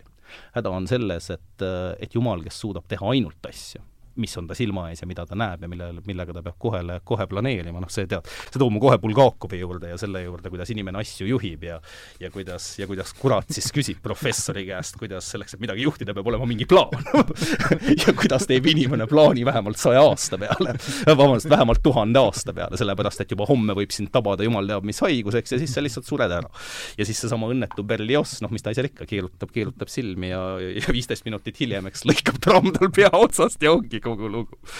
igal juhul äh, tead, ma lihtsalt pean siin lõpetama, sellepärast et kui Sven rääkis, siis ma tegin nii palju märkmeid, äh, et ma saaks, noh, see vestlus lihtsalt vajub muidu laiali. aga aga mina võtsin, omakorda tegin sinu jutust ühe sellise, võtsin ühe palli, mille ma viskaks nüüd äh, Svenile edasi, et et ikkagi seesama kujund, et me tu-, tu-, tundume, et kogu see liik tundub ja see on jälle see noh, kus mul ei pruugi muidugi õigus olla, aga et see liik meenutab järjest enam sellist äh, ühte puuri kinni pandud rotte, nüüd on või küsimus selles, et kas me et kas me teeme selle ukse lahti füüsiliselt, äh, saadame siit siin rakettide kaupa välja mm, äh, siis lähematele taevakehadele asukaid või toimub see pööre kuidagi siin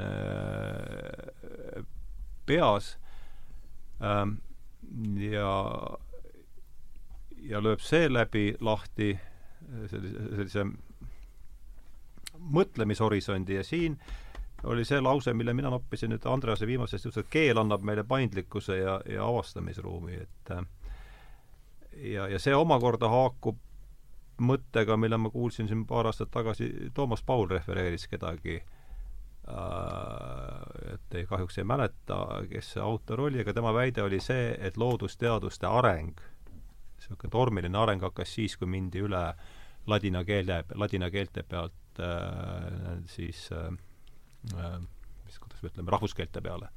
et just ilmselt seesama, et need annavad meile paindlikkuse ja, ja, ja avastamisruumi, et kuidas sina et mis sa sellest mõttest arvad, ütleme nüüd iga päev keelega töötava inimesena no,? tõmba näppi alla kohe et selles mõttes, et Indrek Pargil on päris head saated. ta on üks äh, keeleteadlane, kes siis Indrek Pork. jah, ma arvan, et vana pingviini poeg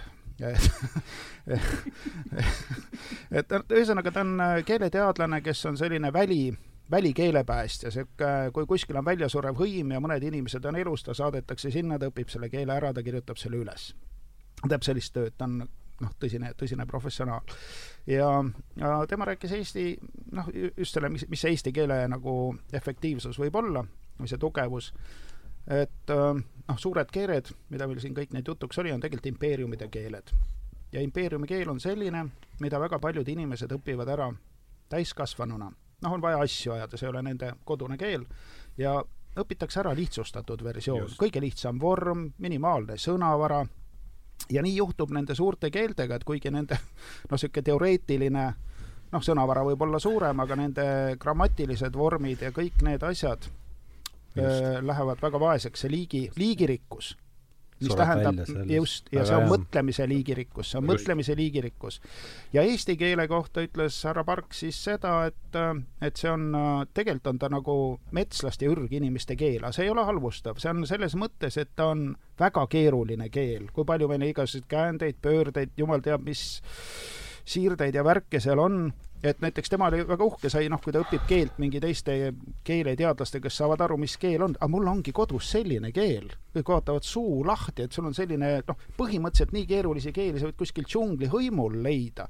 et eesti keelel on see ürgsus alles, see ürgne mitmekesisus, no see, see, see ongi jõud, sest see noh, tööriist on rohkem tööriistu on lihtsalt rohkem, ta ei ole ära lihtsustatud, ta ei ole mingi säästuka variant, see on luksmudel, see on Ferrari see ei ole niisugune Mazda, millega sa tiirutad ümber kaubamaja. Või no väga võimas džiip või no mis iganes, no ma ei, autosid ei tunne hästi.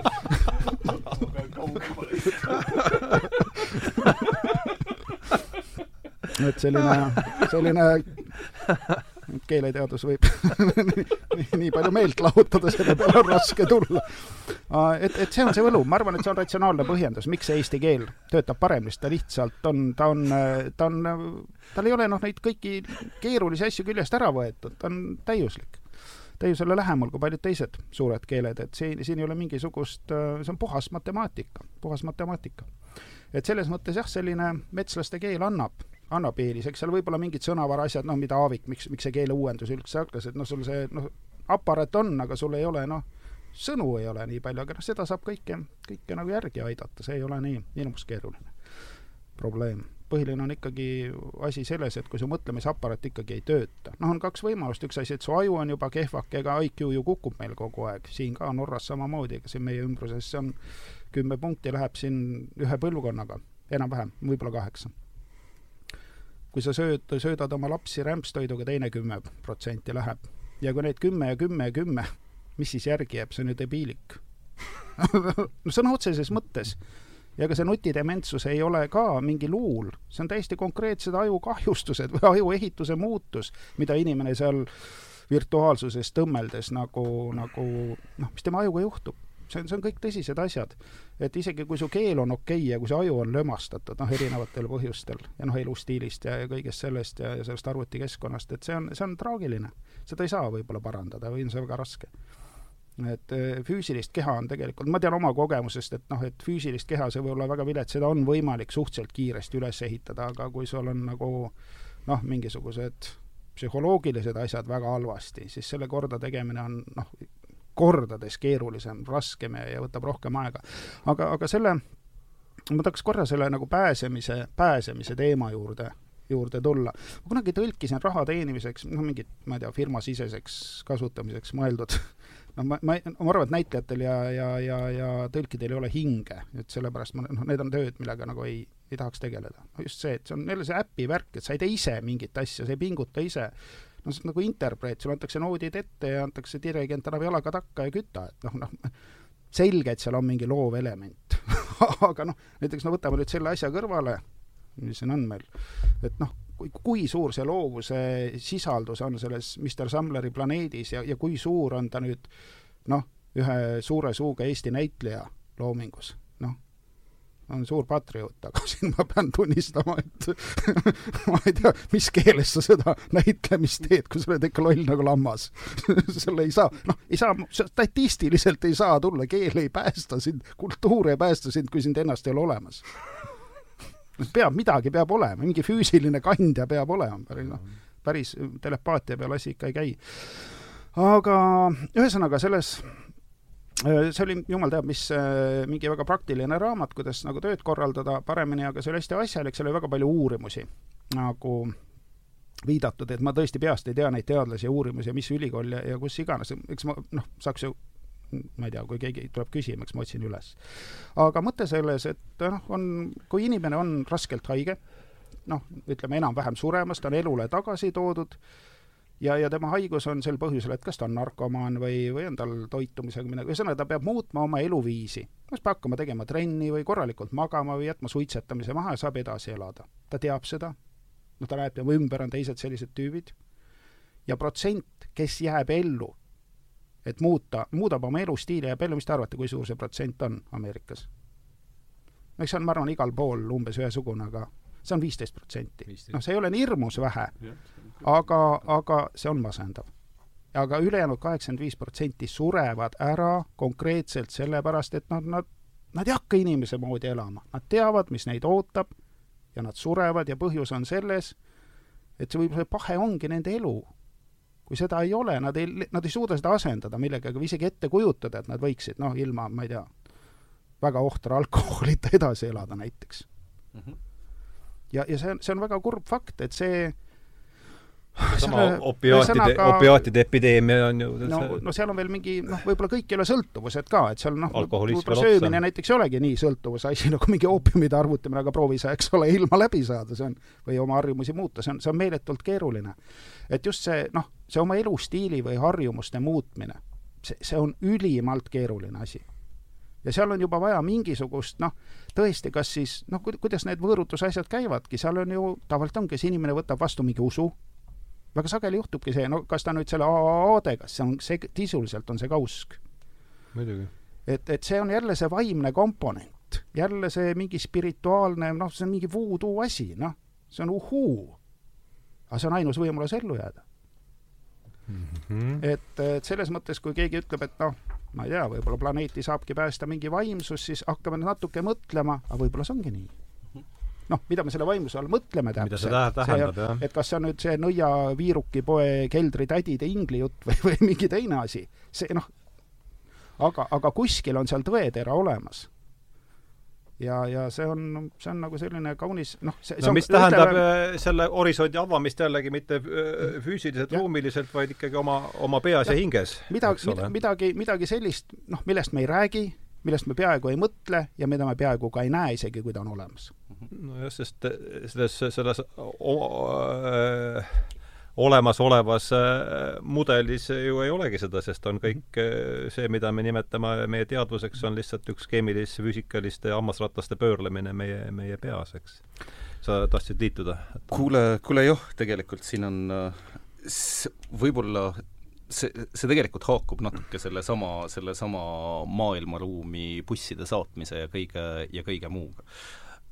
see, see oht, mis on selles, et küsimus on selles, kuhu me kanaliseerime selle mõttevõime või selle lootuse või selle spirituaal-, no kutsume seda ükskõik milleks. kas me kutsume, peamine no, spirituaalsus on täitsa niisugune üks, üks võimalik asi seda nimetada. peamine oht, mis ma, peamine oht, mis ma näen selle väljaspoole, väljaspoole kanaliseerimiseks, on see, et kusagil tekib kellelgi siis mõte, et meie tulevik ongi kas Kuul või Marsil või Alfa Centauril või jumal teab kus, eks kui sa vaatad neid asju ikkagi noh, mingis mõttes nagu faktiliselt, ma tean, et sa oled sellest kosmose asjast huvitatud, siis mõtleme selle peale hetkeks korra.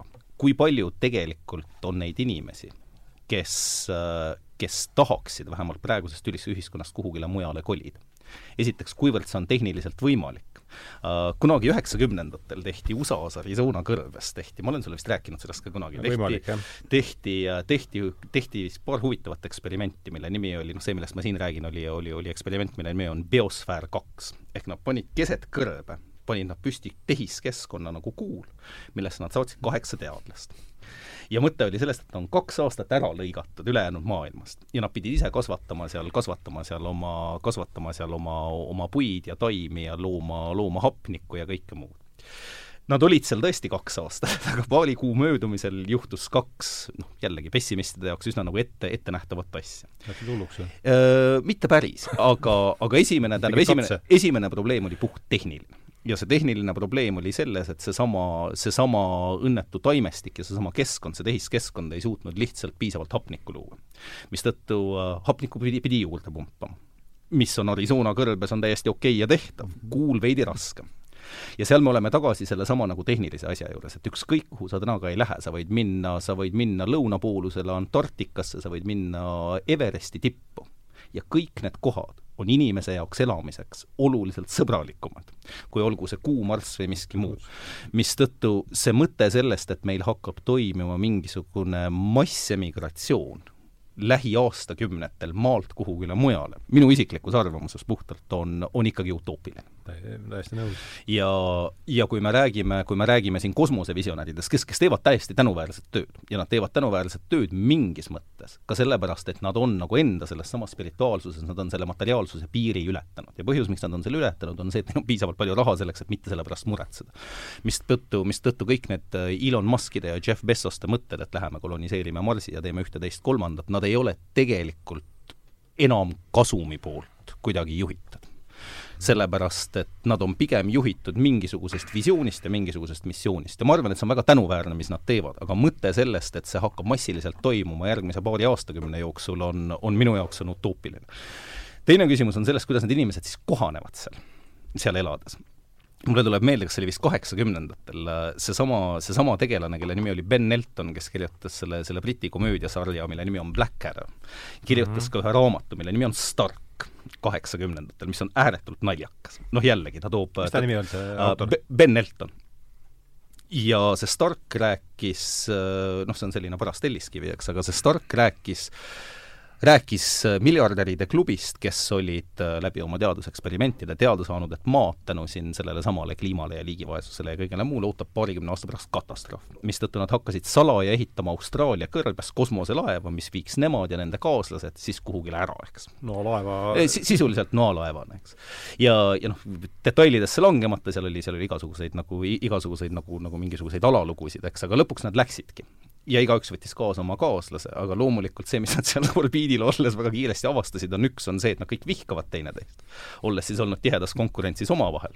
ja see toob sellesama biosfäär kahe teise probleemi juurde, mis ei olnud mitte tehniline probleem, aga oli see, et väga kiiresti, ja siin me räägime teadlastest, noh, kes tead, on ikkagi suhteliselt kõrgesti haritud ja doktorid ja nii edasi, nad lihtsalt, neil tekkisid, tekkis täiesti eriarvamus selle kohta, kuidas seda kolooniat seal peaks juhtima ja kuidas ta peaks olema korraldatud. mistõttu ühest kolooniast sai äkitselt kaks lihtsalt sellepärast, et, et visioon sellest, kuidas elu korraldada, oli, oli veidi teistsugune. ja see oli täpselt seesama, noh, mida, millest räägib ka seesama Stark, tähendab selle, selle siis nagu peamiljardär või peategelane lõpetab lihtsalt sellega, et ühel, ühel ilusal õhtul ta vajutab nupule ja, ja laseb ennast oma kapsliga kosmoseruumi, sellepärast et tal puudub igasugune soov, eks edasi tiksuda sealsamas. mistõttu, mistõttu ma arvan, et nii tehnoloogiliselt kui ka võib-olla selle poolest, milleks siis inimene suuteline on ja kuidas ta on suuteline kohanema, ma olen natuke skeptiline, et me siit suudame, suudame järgmise paarikümne aasta pärast kuhugile lihtsalt ära minna. Uh, ja noh, siis tekib muidugi järjekordne küsimus, eks, et kes läheb, miks läheb, uh, ma, ma arvan, et see viib meid jälle nagu täiesti hoopis teistsuguste mingisuguste, mingisuguste eetiliste, Eesti, eetiliste probleemideni. aga see oligi kõik, mis ma tahtsin öelda, on see, et kui sa räägid nagu bussitäitest uh, kolonistidest, kes lahkuvad siit järgmise paarikümne aasta jooksul, ma arvan, et see on no, endiselt puhas utoopia, jah. no ta on, aga nagu ütleb, nagu, nagu Paul selles äh,, Saul Bellogi ütleb, siis, siis tänapäeval, nagu ka seitsmekümnendate alguses, oli väga suur ja oluline roll selles, mida inimesed tegid, oli vajadus olla huvipakkuv vajadus saada oma lühike kuulsuse moment, vajadus noh, millegile lihtsalt tähelepanu tõmmata, mis tuleb läbi sellesama raamatu, noh eelkõige läbi sellesama, sellesama mis ta nimi oligi, Gruneri ja Gruneri siis laste, kes teevad asju lihtsalt sellepärast, et nad tahavad olla isiksused, nad tahavad olla nähtavad, nad tahavad ennast tunda eriliselt ja nad tahavad teistele huvi pakkuda. et see on noh, tegelikult see on nagu marketingi printsiibi taga väga tugevalt, eks, nagu ma arvan, et ta on ka natuke nendesamade kosmose, kosmosetegelaste nii-öelda praeguse toimimise taga. kahtlemata need asjad ühel päeval juhtuvad eeldusel, et me siin endiselt alles oleme, ma arvan, et, ma arvan, et selles võib-olla ei tasu, ei tasu kahelda, aga see, et nad hakkavad siin meie eluajal juhtuma ja see, et me kuidagi transpordime suure osa oma elanikkonnast minema, ma arvan, et see on kergelt utoopiline, jah um,. on sul lisada midagi eelkuuldule?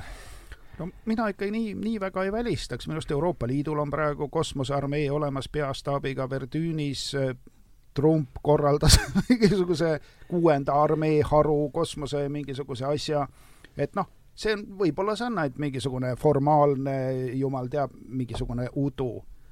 aga noh, mina kui ulmekirjanduse lugeja, kes on leidnud, et ulmekirjandus on palju noh, igavam kui vandenõuteooriad, olen äh, väga palju viimasel ajal vaadanud ja lugenud igasuguseid kosmose, no kosmose mingid vandenõuteooriad, et on olemas, ütleme, niisugused harutsivilisatsioonid, mis on eraldunud juba seal, no ma ei tea, võib-olla kolmekümnendatel kosmosesse, no tehnika on saadud kust? loomulikult vaimse väega tulnukatelt nagu Tesla, kes lihtsalt noh, mediteerides sai selle tehnoloogia kusagilt, noh, natsid, kust nad said oma mingid ma ei tea, kellad ja asjad ja klokked, kõik no, pikkade juustega naised mediteerisid, said info.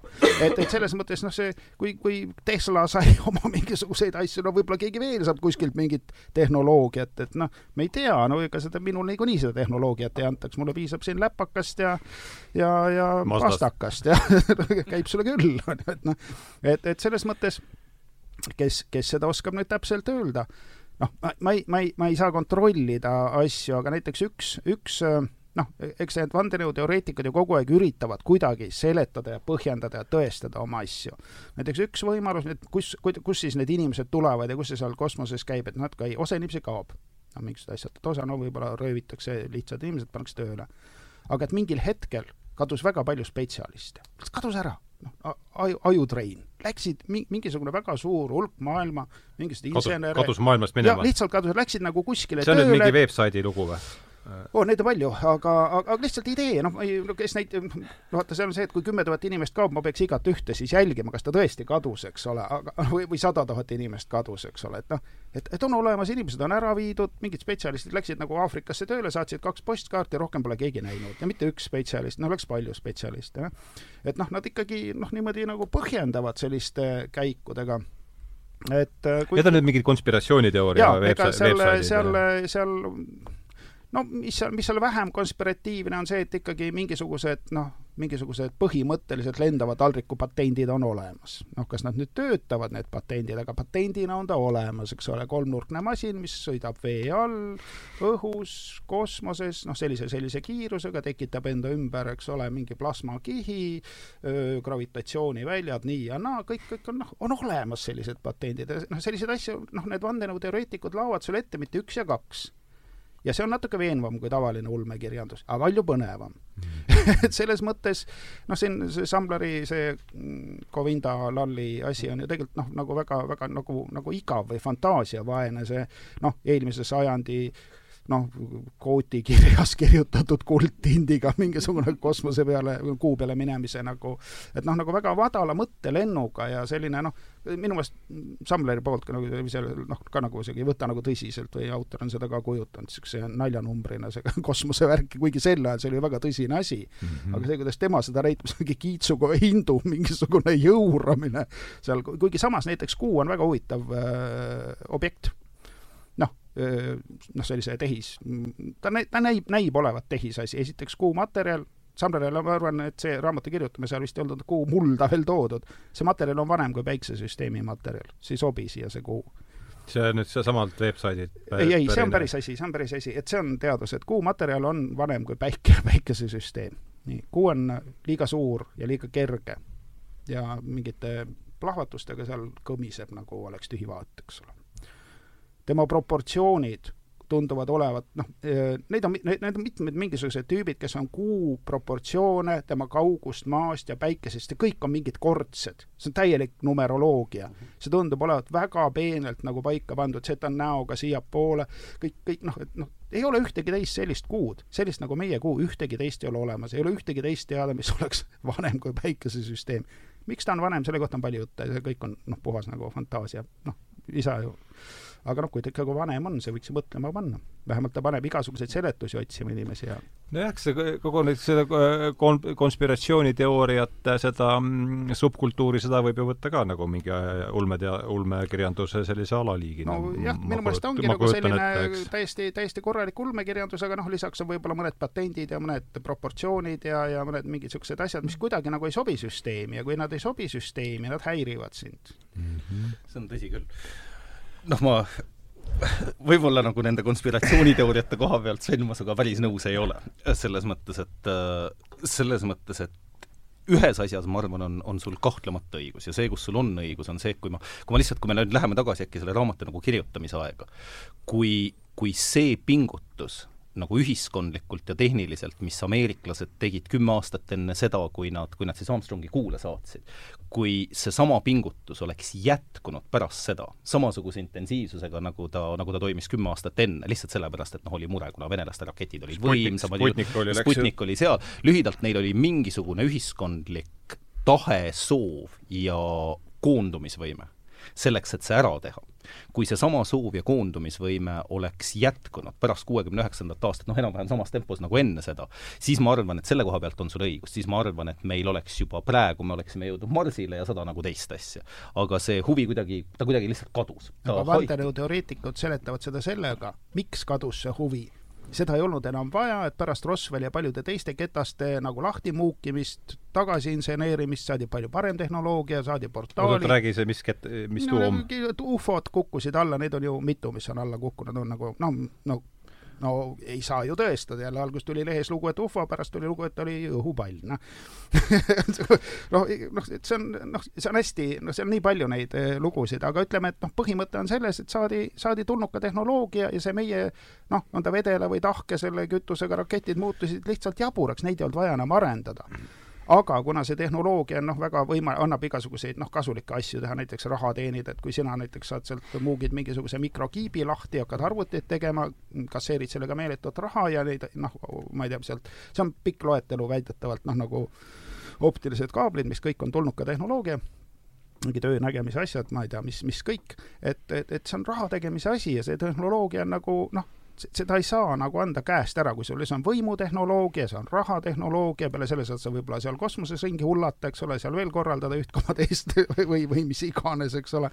et see tundub loogiline, et noh, võib-olla ongi tehnoloogia, mida, mida, mida ei saa käest ära anda, sina ka ei annaks, mina ka kindlasti ei annaks, kui mul see oleks ma teeks sellega palju pahandust. Aga, aga suureks humanismiks mul kuidagi aega ei jätkuks.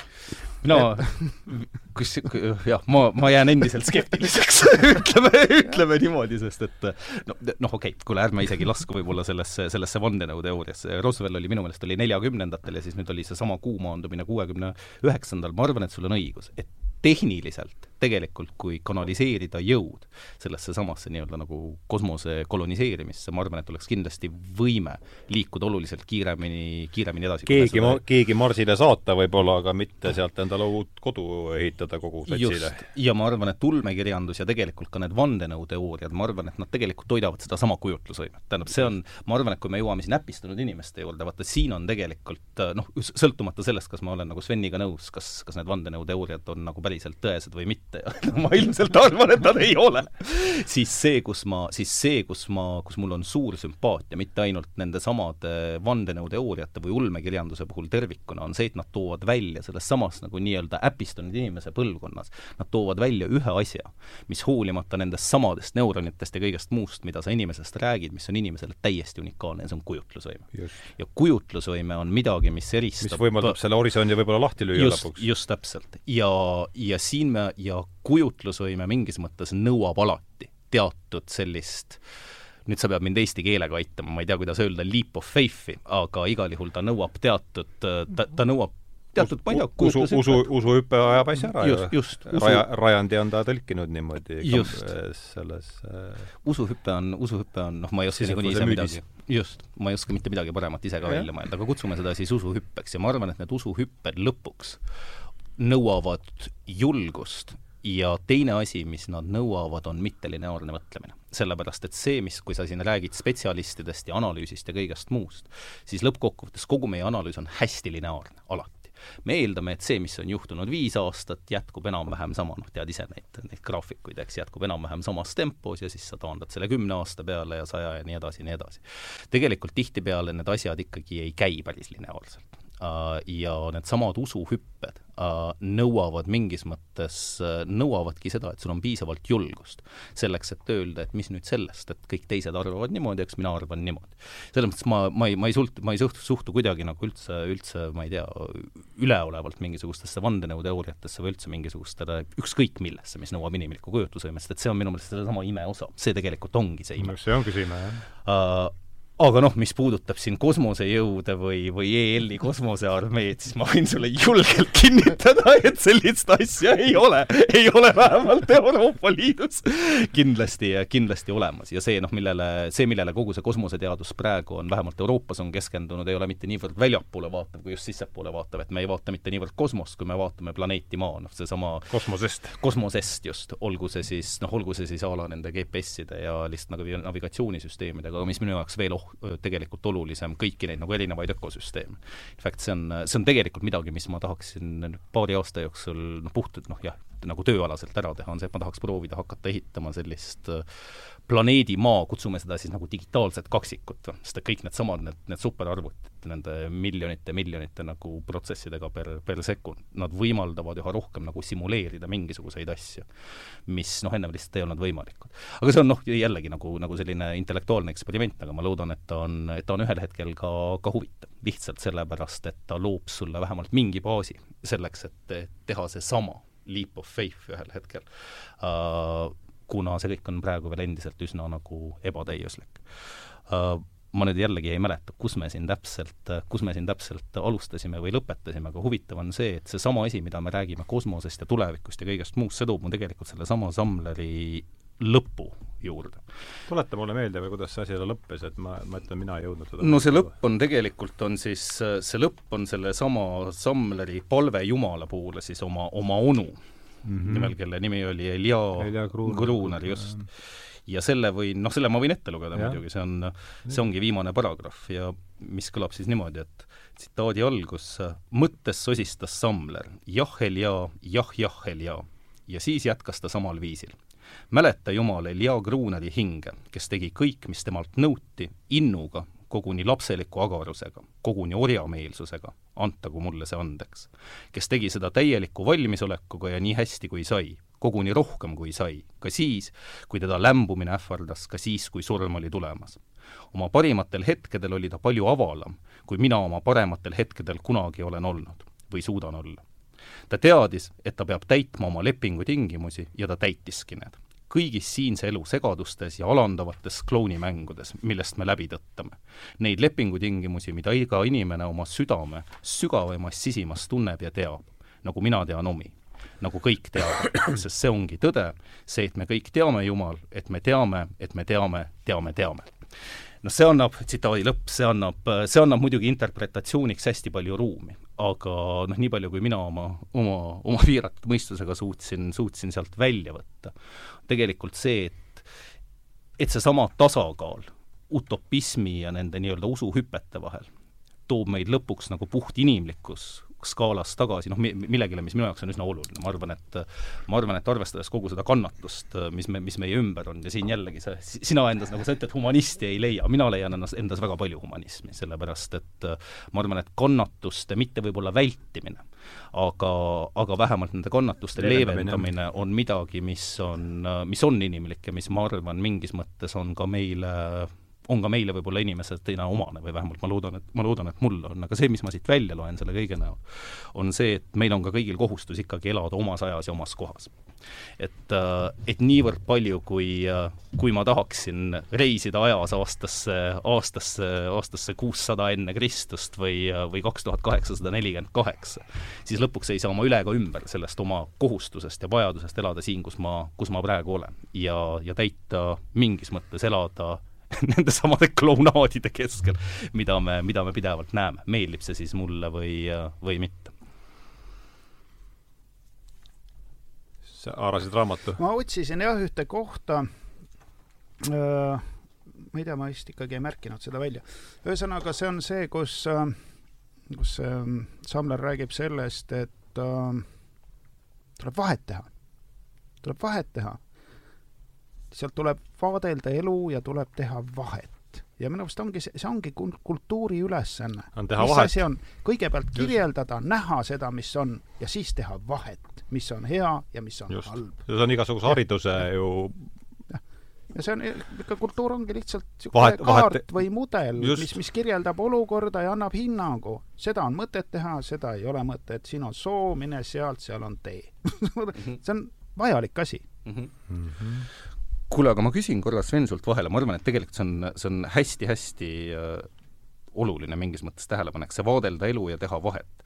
see, mis ma nagu loen sellest samast nagu viimasest paragrahvist välja, see, et me kõik teame, teame, teame, kas kas sa leiad, et see on, et see hea ja halva vahel vahet tegemine, no kui ma loen seda, mida ta siin mõtleb, ma pigem loen seda sellise, noh, see on jälle üks teine teooria, mis on see, et kõik, mida inimene mõtleb, tal on lühidalt, inimesel on võime teha halval ja head vahet tegelikult mingisuguse ürgse juba olemasoleva teadmise just, põhjal, mitte tingimata nii-öelda nagu empiirilise mm -hmm. vaatluse ja siis järeldustega. see ei ole statistika, loogika ega midagi just. muud, see on midagi see on, teist. see on midagi, see on, see on, see on sama see voodoo platonistlik või... mõte, et õppimine on tegelikult meeldetuletamine, eks. just, täpselt, see on, noh, see ongi seesama vana see on sama, sama Platoni mõte. minu meelest ta ütleb seda kuskil välja ka ikka lahtise tekstiga. see, siinsamas raamatus. minu meelest see oli kuskil. just, just seesama, et see, see arusaamine ei ole, noh, see on kuidagi teistmoodi.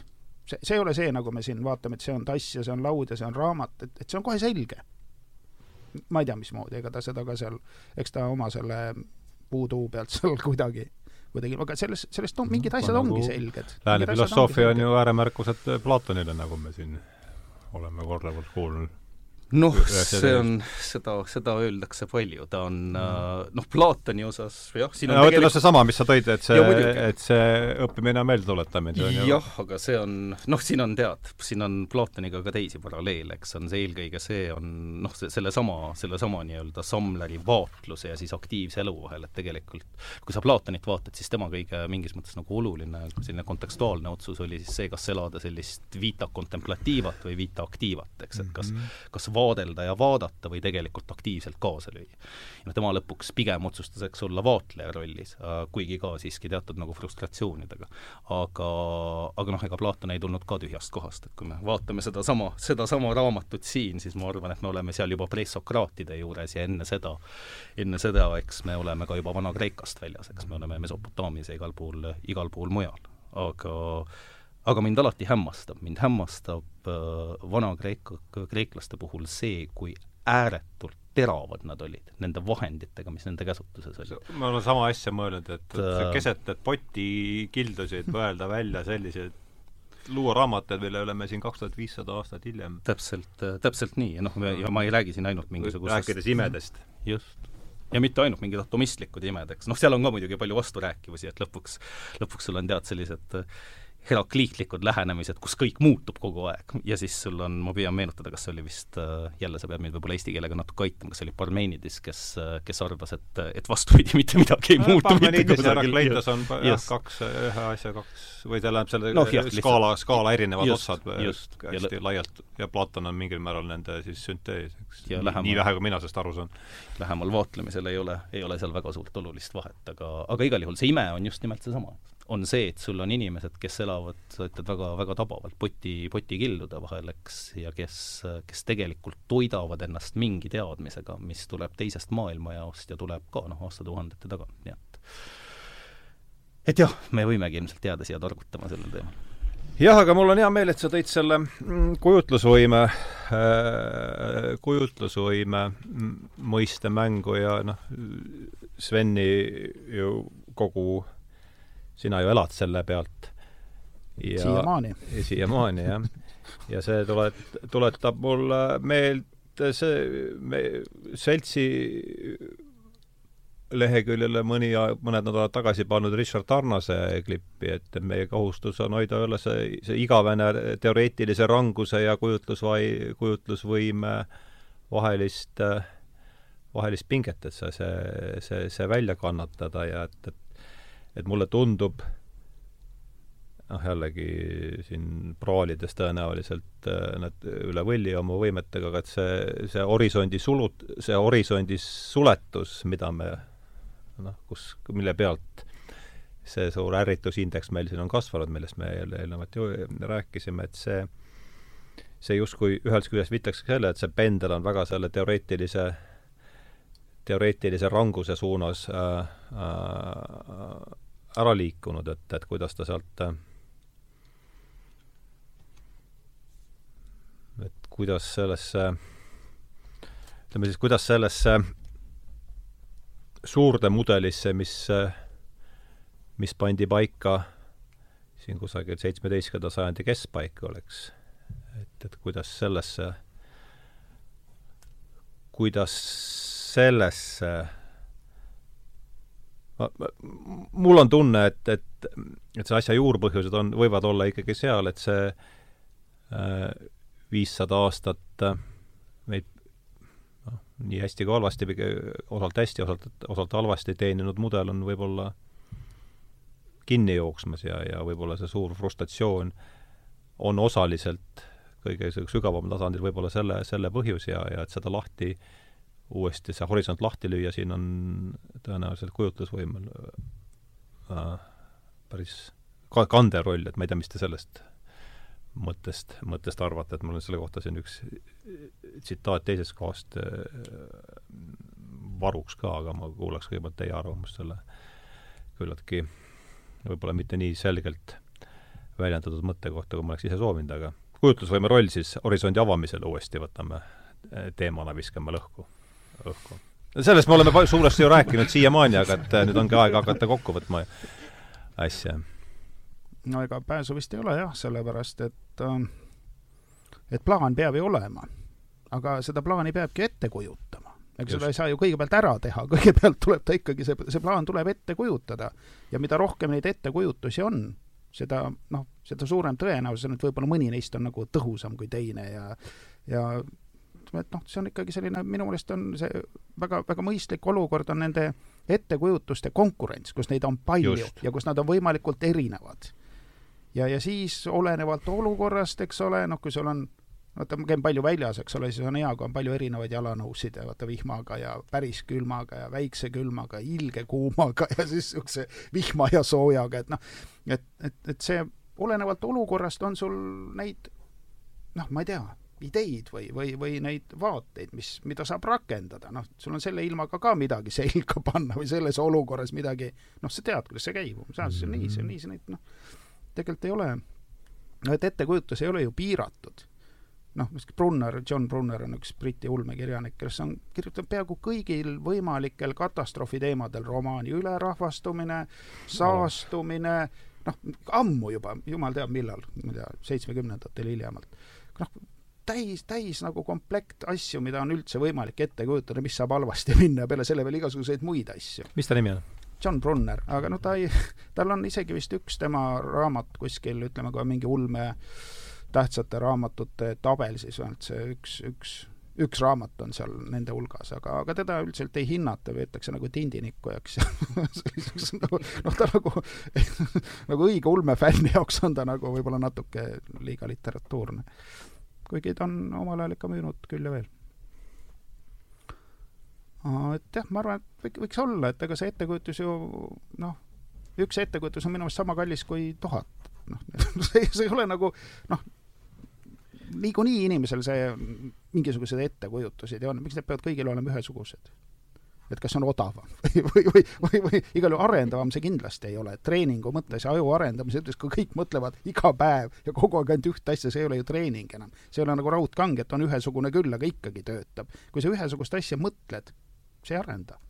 et, et siin just see mitme, mitmekesisus, millest küll väga palju räägitakse, mida sa elus näed nagu enda ümber järjest vähem. just, see on selle mõtlemises, mõtlemises võiks seda ikkagi noh, olla, et ähm, et seda võiks olla palju rohkem.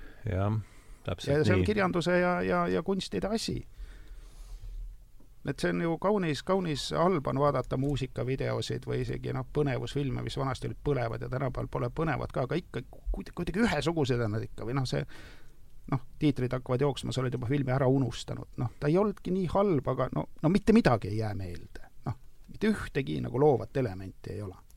Mitte ühtegi nagu säravat sooritust, mitte ühelgi alal, ei disainis ega, ega näitlemises ega ka muusikas ega kuskil. noh, film on ju selline asi, kus saad kõik asjad kokku panna. seal on kõik, kõik erinevad nagu noh, tekst, eks ole, näitlemine, muusika, disain, ma ei tea, mis kõik, ühtegi asja ei ole ikkagi ei ole. et kuidagi on suudetud nagu viia meie vaimne keskkond nagu, nagu sellisele levelile kõik on üks, kõik on üks McDonalds lõppude lõpuks, ükskõik kuhu sa lähed.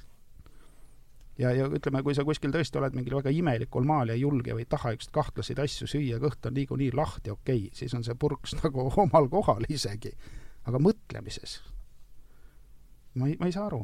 jah, ja inimesed ikkagi lahutavad sellega kuidagi oma meelt ja et see on see, miks ma ikkagi soovitan klassikat lugeda, miks me siin ühte, ühe klassiku, ühte klassikalist raamatut arutame, ma arvan, et see on ikkagi see, et ma arvan vähemalt, et sellest on kasu mm. -hmm. no siis loen siin ühe lause ette, mis mul kuidagi on siin viimasel nädalatel jäänud äh, peas keerlema, et äh, annan teie sõnajärje siit üle Andreasele, et et moodne meelelaad on mõningate oma kõige häälekamate esindajate puhul langenud faktide, numbrite ja näitearvude magedasse maagiasse sedasorti empiirikasse, mis oma ihas käega katsatav, käega katsutavuse järele taandab kogemuse paradoksaalsel kom-, paradoksaalsel kombel mõõdetavate andmete puhtakujulisele abstraktsusele ning heidab kaheldamatute spirituaalsete kogemuste ja kujutlusvõime määrata rikkusena kasutuna kõrvale. et see on selles mõttes, noh, kus võtab minu meelest selles praeguse ortodoksia probleemi vahest päris kenasti kokku, et et ühest küljest on meil ühest küljest on meil see tohutu iha empiirika ja, ja käegakatsutavate andmete järgi ja siis lõpuks me jõuame ja kui me selle, selle hoiakuga äh, uljalt edasi põrutame ühte äärde, siis me jõuame paradoksaalse tulemuseni, et stati-, kõige reaalsem asi on üldse lõpuks Statistikaameti Statistikaameti aastaraamat on, on, on reaalsem kui, kui see elu ise, millest Statistikaameti aastaraamat võtab kokku parimal juhul null koma null null null null null üks protsenti, et ma ei tea, mis sa sellest, kuidas sa sellesse paradoksi suhtud ja mida ja mida teha muidugi on, nüüd oleme ja, juba ja, jõudnud ja. viimase veerand tunnini, et me peame hakkama no, andma väga selgeid juhiseid, et no tegelikult see on ju, see on ju seesama asi, mida Sven just kirjeldas. no just uh,. ma arvan, et uh, tead, ma ei arva, et see on päris tõsi. ja põhjus, miks ma arvan, kindlasti on, kindlasti on uh, tähendab, statistikaga saad noh, ta ei ole, ta, ta on, selles mõttes ta oli ilmselge hüperbool, et loomulikult Muidu, ei ole tõsi. aga noh, sa saad statistikaga siiski mõõta ainult teatud asju. no just uh, see, mida noh, mulle tuleb kohe muidugi meelde, meelde Brexit ja seesama, ja seesama hüüdlause seal, mis on see, et meil on ekspertidest kõrini mm. -hmm. Uh, ma arvan, et see on, ühel hetkel on see protest selle sama asja vastu. tähendab, ma arvan, et seal on väga paljud asjad, aga ma arvan, et, et ühel hetkel, ühel hetkel inimeste individuaalne taju ei lange kokku sellega, mida statistika ütleb mm. -hmm. ja see on seesama tegelikult, see on natuke sellesama, seotud sellesama keelelise küsimusega ka, millest, millest Sven on rääkinud, mis on see, et kui ühel hetkel see keel, need mõtted ja see ortodoksia, mida väljendatakse, ei haaku enam inimeste igapäevase kogemusega ja ei haaku enam sellega, kuidas nad maailma tajuvad, siis ühel hetkel tekib võõrandumine mm. -hmm. ja noh, ma, ma ei taha siin hakata rääkima tead a la, a la Marxist ja, ja, ja kõigest muust, eks noh, vähemalt nagu teoreetilisest Marxist, väga praktilisest Marxist, Marxist ma ei taha üldse rääkida ka ausalt olla, sest et no noor Samler luges ka Marxi. just. aga noh, see on seesama inimese võõrandumise küsimus, eks ja kui sa lisad sellele veel, noh lihtsalt vaadates seda, mis ühiskonnas toimub, eks, ma arvan, et et see, mis on toimumas, on seesama, ma, ma tulen tagasi selle nõudluse pakkumise statistika, statistika nagu ülevoolavuse juurde, mida sa just kirjeldasid, aga ka seda, kuidas inimesed asju tajuvad. noh, võta kas või seesama majanduskriis, eks mm, -hmm. mis siin oli, mis väidetavalt on, on nii-öelda nagu poliitilise maastiku muutuse taga ja kõik muu see ei ole mitte ainult see, ühest, ühest küljest inimesed ei suuda enam seostuda selle statistikakeelega, teisest, teiseks nad ei suuda enam seo-, seostuda keelega tervikuna, niivõrd kui seda avalikus ruumis leiab, kolmandaks on, ma arvan, seal ka hästi palju abitust ja hirmu sellepärast et kusagil toimuvad mingisugused protsessid USA kinnisvaraturul, mis ühel hetkel mõjutavad ikkagi väga paljusid inimesi üle maailma ja inimesed tajuvad, et neil ei ole iseenda elu üle enam mitte mingisugust kontrolli.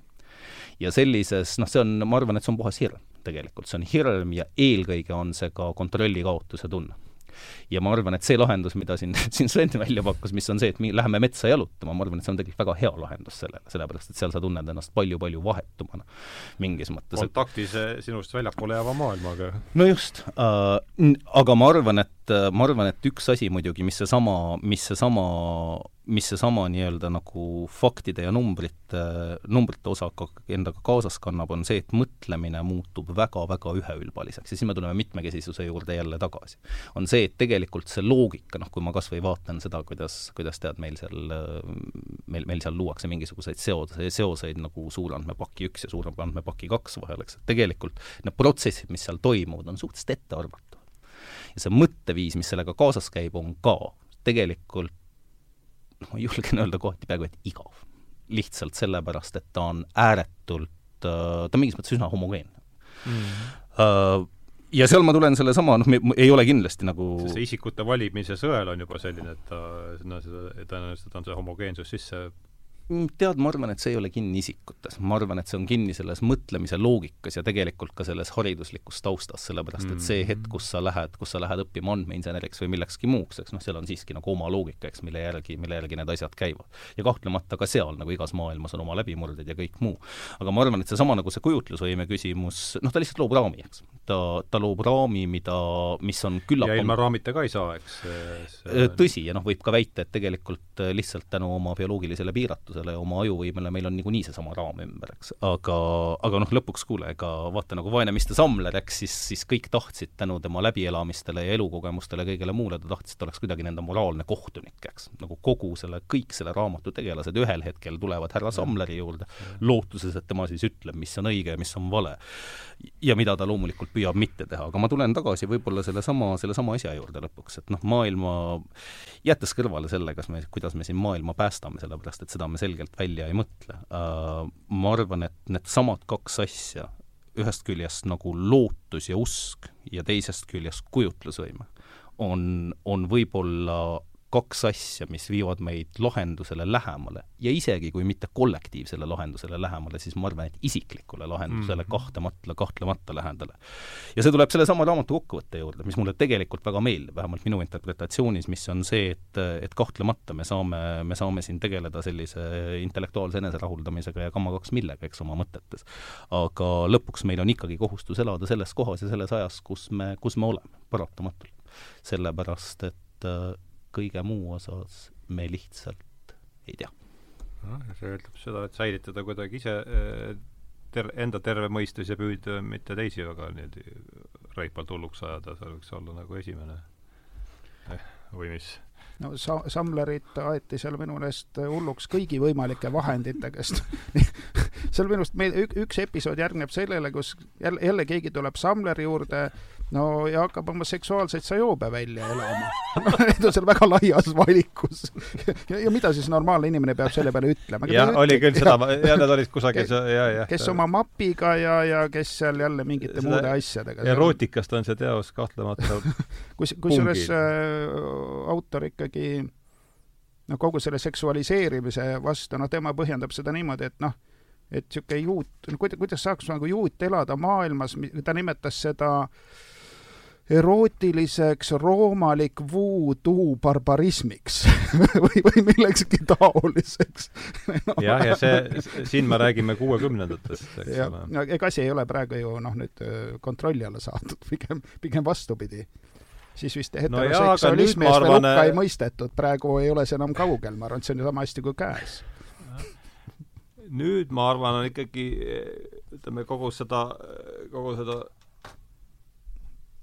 no kogu seda seksuaalsuse teemat äh, ümbritsev, see viib meid hoopis teise, või noh, mitte teise, raamat on ju lähtekoht siin, et see hüsteeria, mis kogu seda seksuaalsuse teemat praegu ümbritseb, see minu meelest viitab ikka sellisele selgele puritaansele, puritaansele vastulöögile, äh, mis oleks justkui mingis mõttes äh, mingis mõttes äh, seesama reaktsioon nende kuuekümnendate aastate äh, suurele vabanemisele.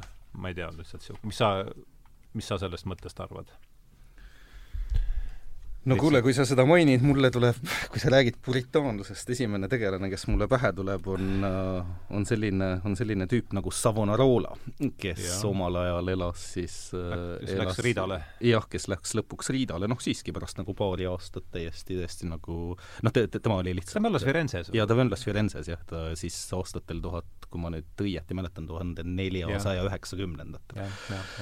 Uh, mul on väga noh, ma ei, ma tegelikult ei tea sellest teemast, ei, ei tea sellest teemast väga Mannil on temast, kas on näidend või mingi novell või midagi sellist? mina, mina olen teda pigem seda? lugenud, pigem teda lugenud läbi, läbi Guicciardini ja läbi, läbi mm -hmm. mingite Itaalia ajaloolaste, aga ma ei oska selle kohta mitte midagi öelda uh,. Ma ei tea, kas siin on tulemas puritaanluse vastulöök või, või midagi muud uh,. See, mis ma arvan küll, tulles tagasi selle juurde, millega me igapäevaselt kokku puutume, puutume, on see, et see, mida ma tajun, ja see on puhtalt tajuline, on see, et meil on meeletult ülestimuleeritud närvisüsteemid kõigil.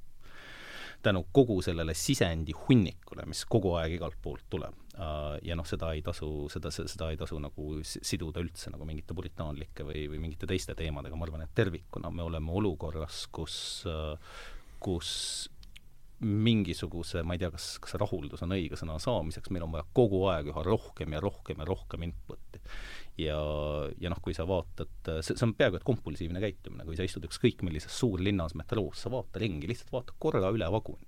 Uh,. Inimesed ei suhtle omavahel enam üldse, on võib-olla kaks või kolm erandit terves vagunis, kes, kes ei tee midagi või loevad, loevad raamatut sellises vormis, nagu meie seda siin teeme, absoluutselt kõik teised on oma helendavates ekraanides, kõik ja noh, siin jälle võib rääkida mingisugusest kõrgesageduslikust stimulatsioonist ja kõigest muust, aga ma arvan, et üks häda, mis meil kahtlemata on ja noh, seda ma näen kas või, kas või oma laste peal, eks seda nagu püüdes kuidagi reguleerida, on see, et me oleme, meie närvisüsteemid on meeletult üle, üle, stimuleeritud.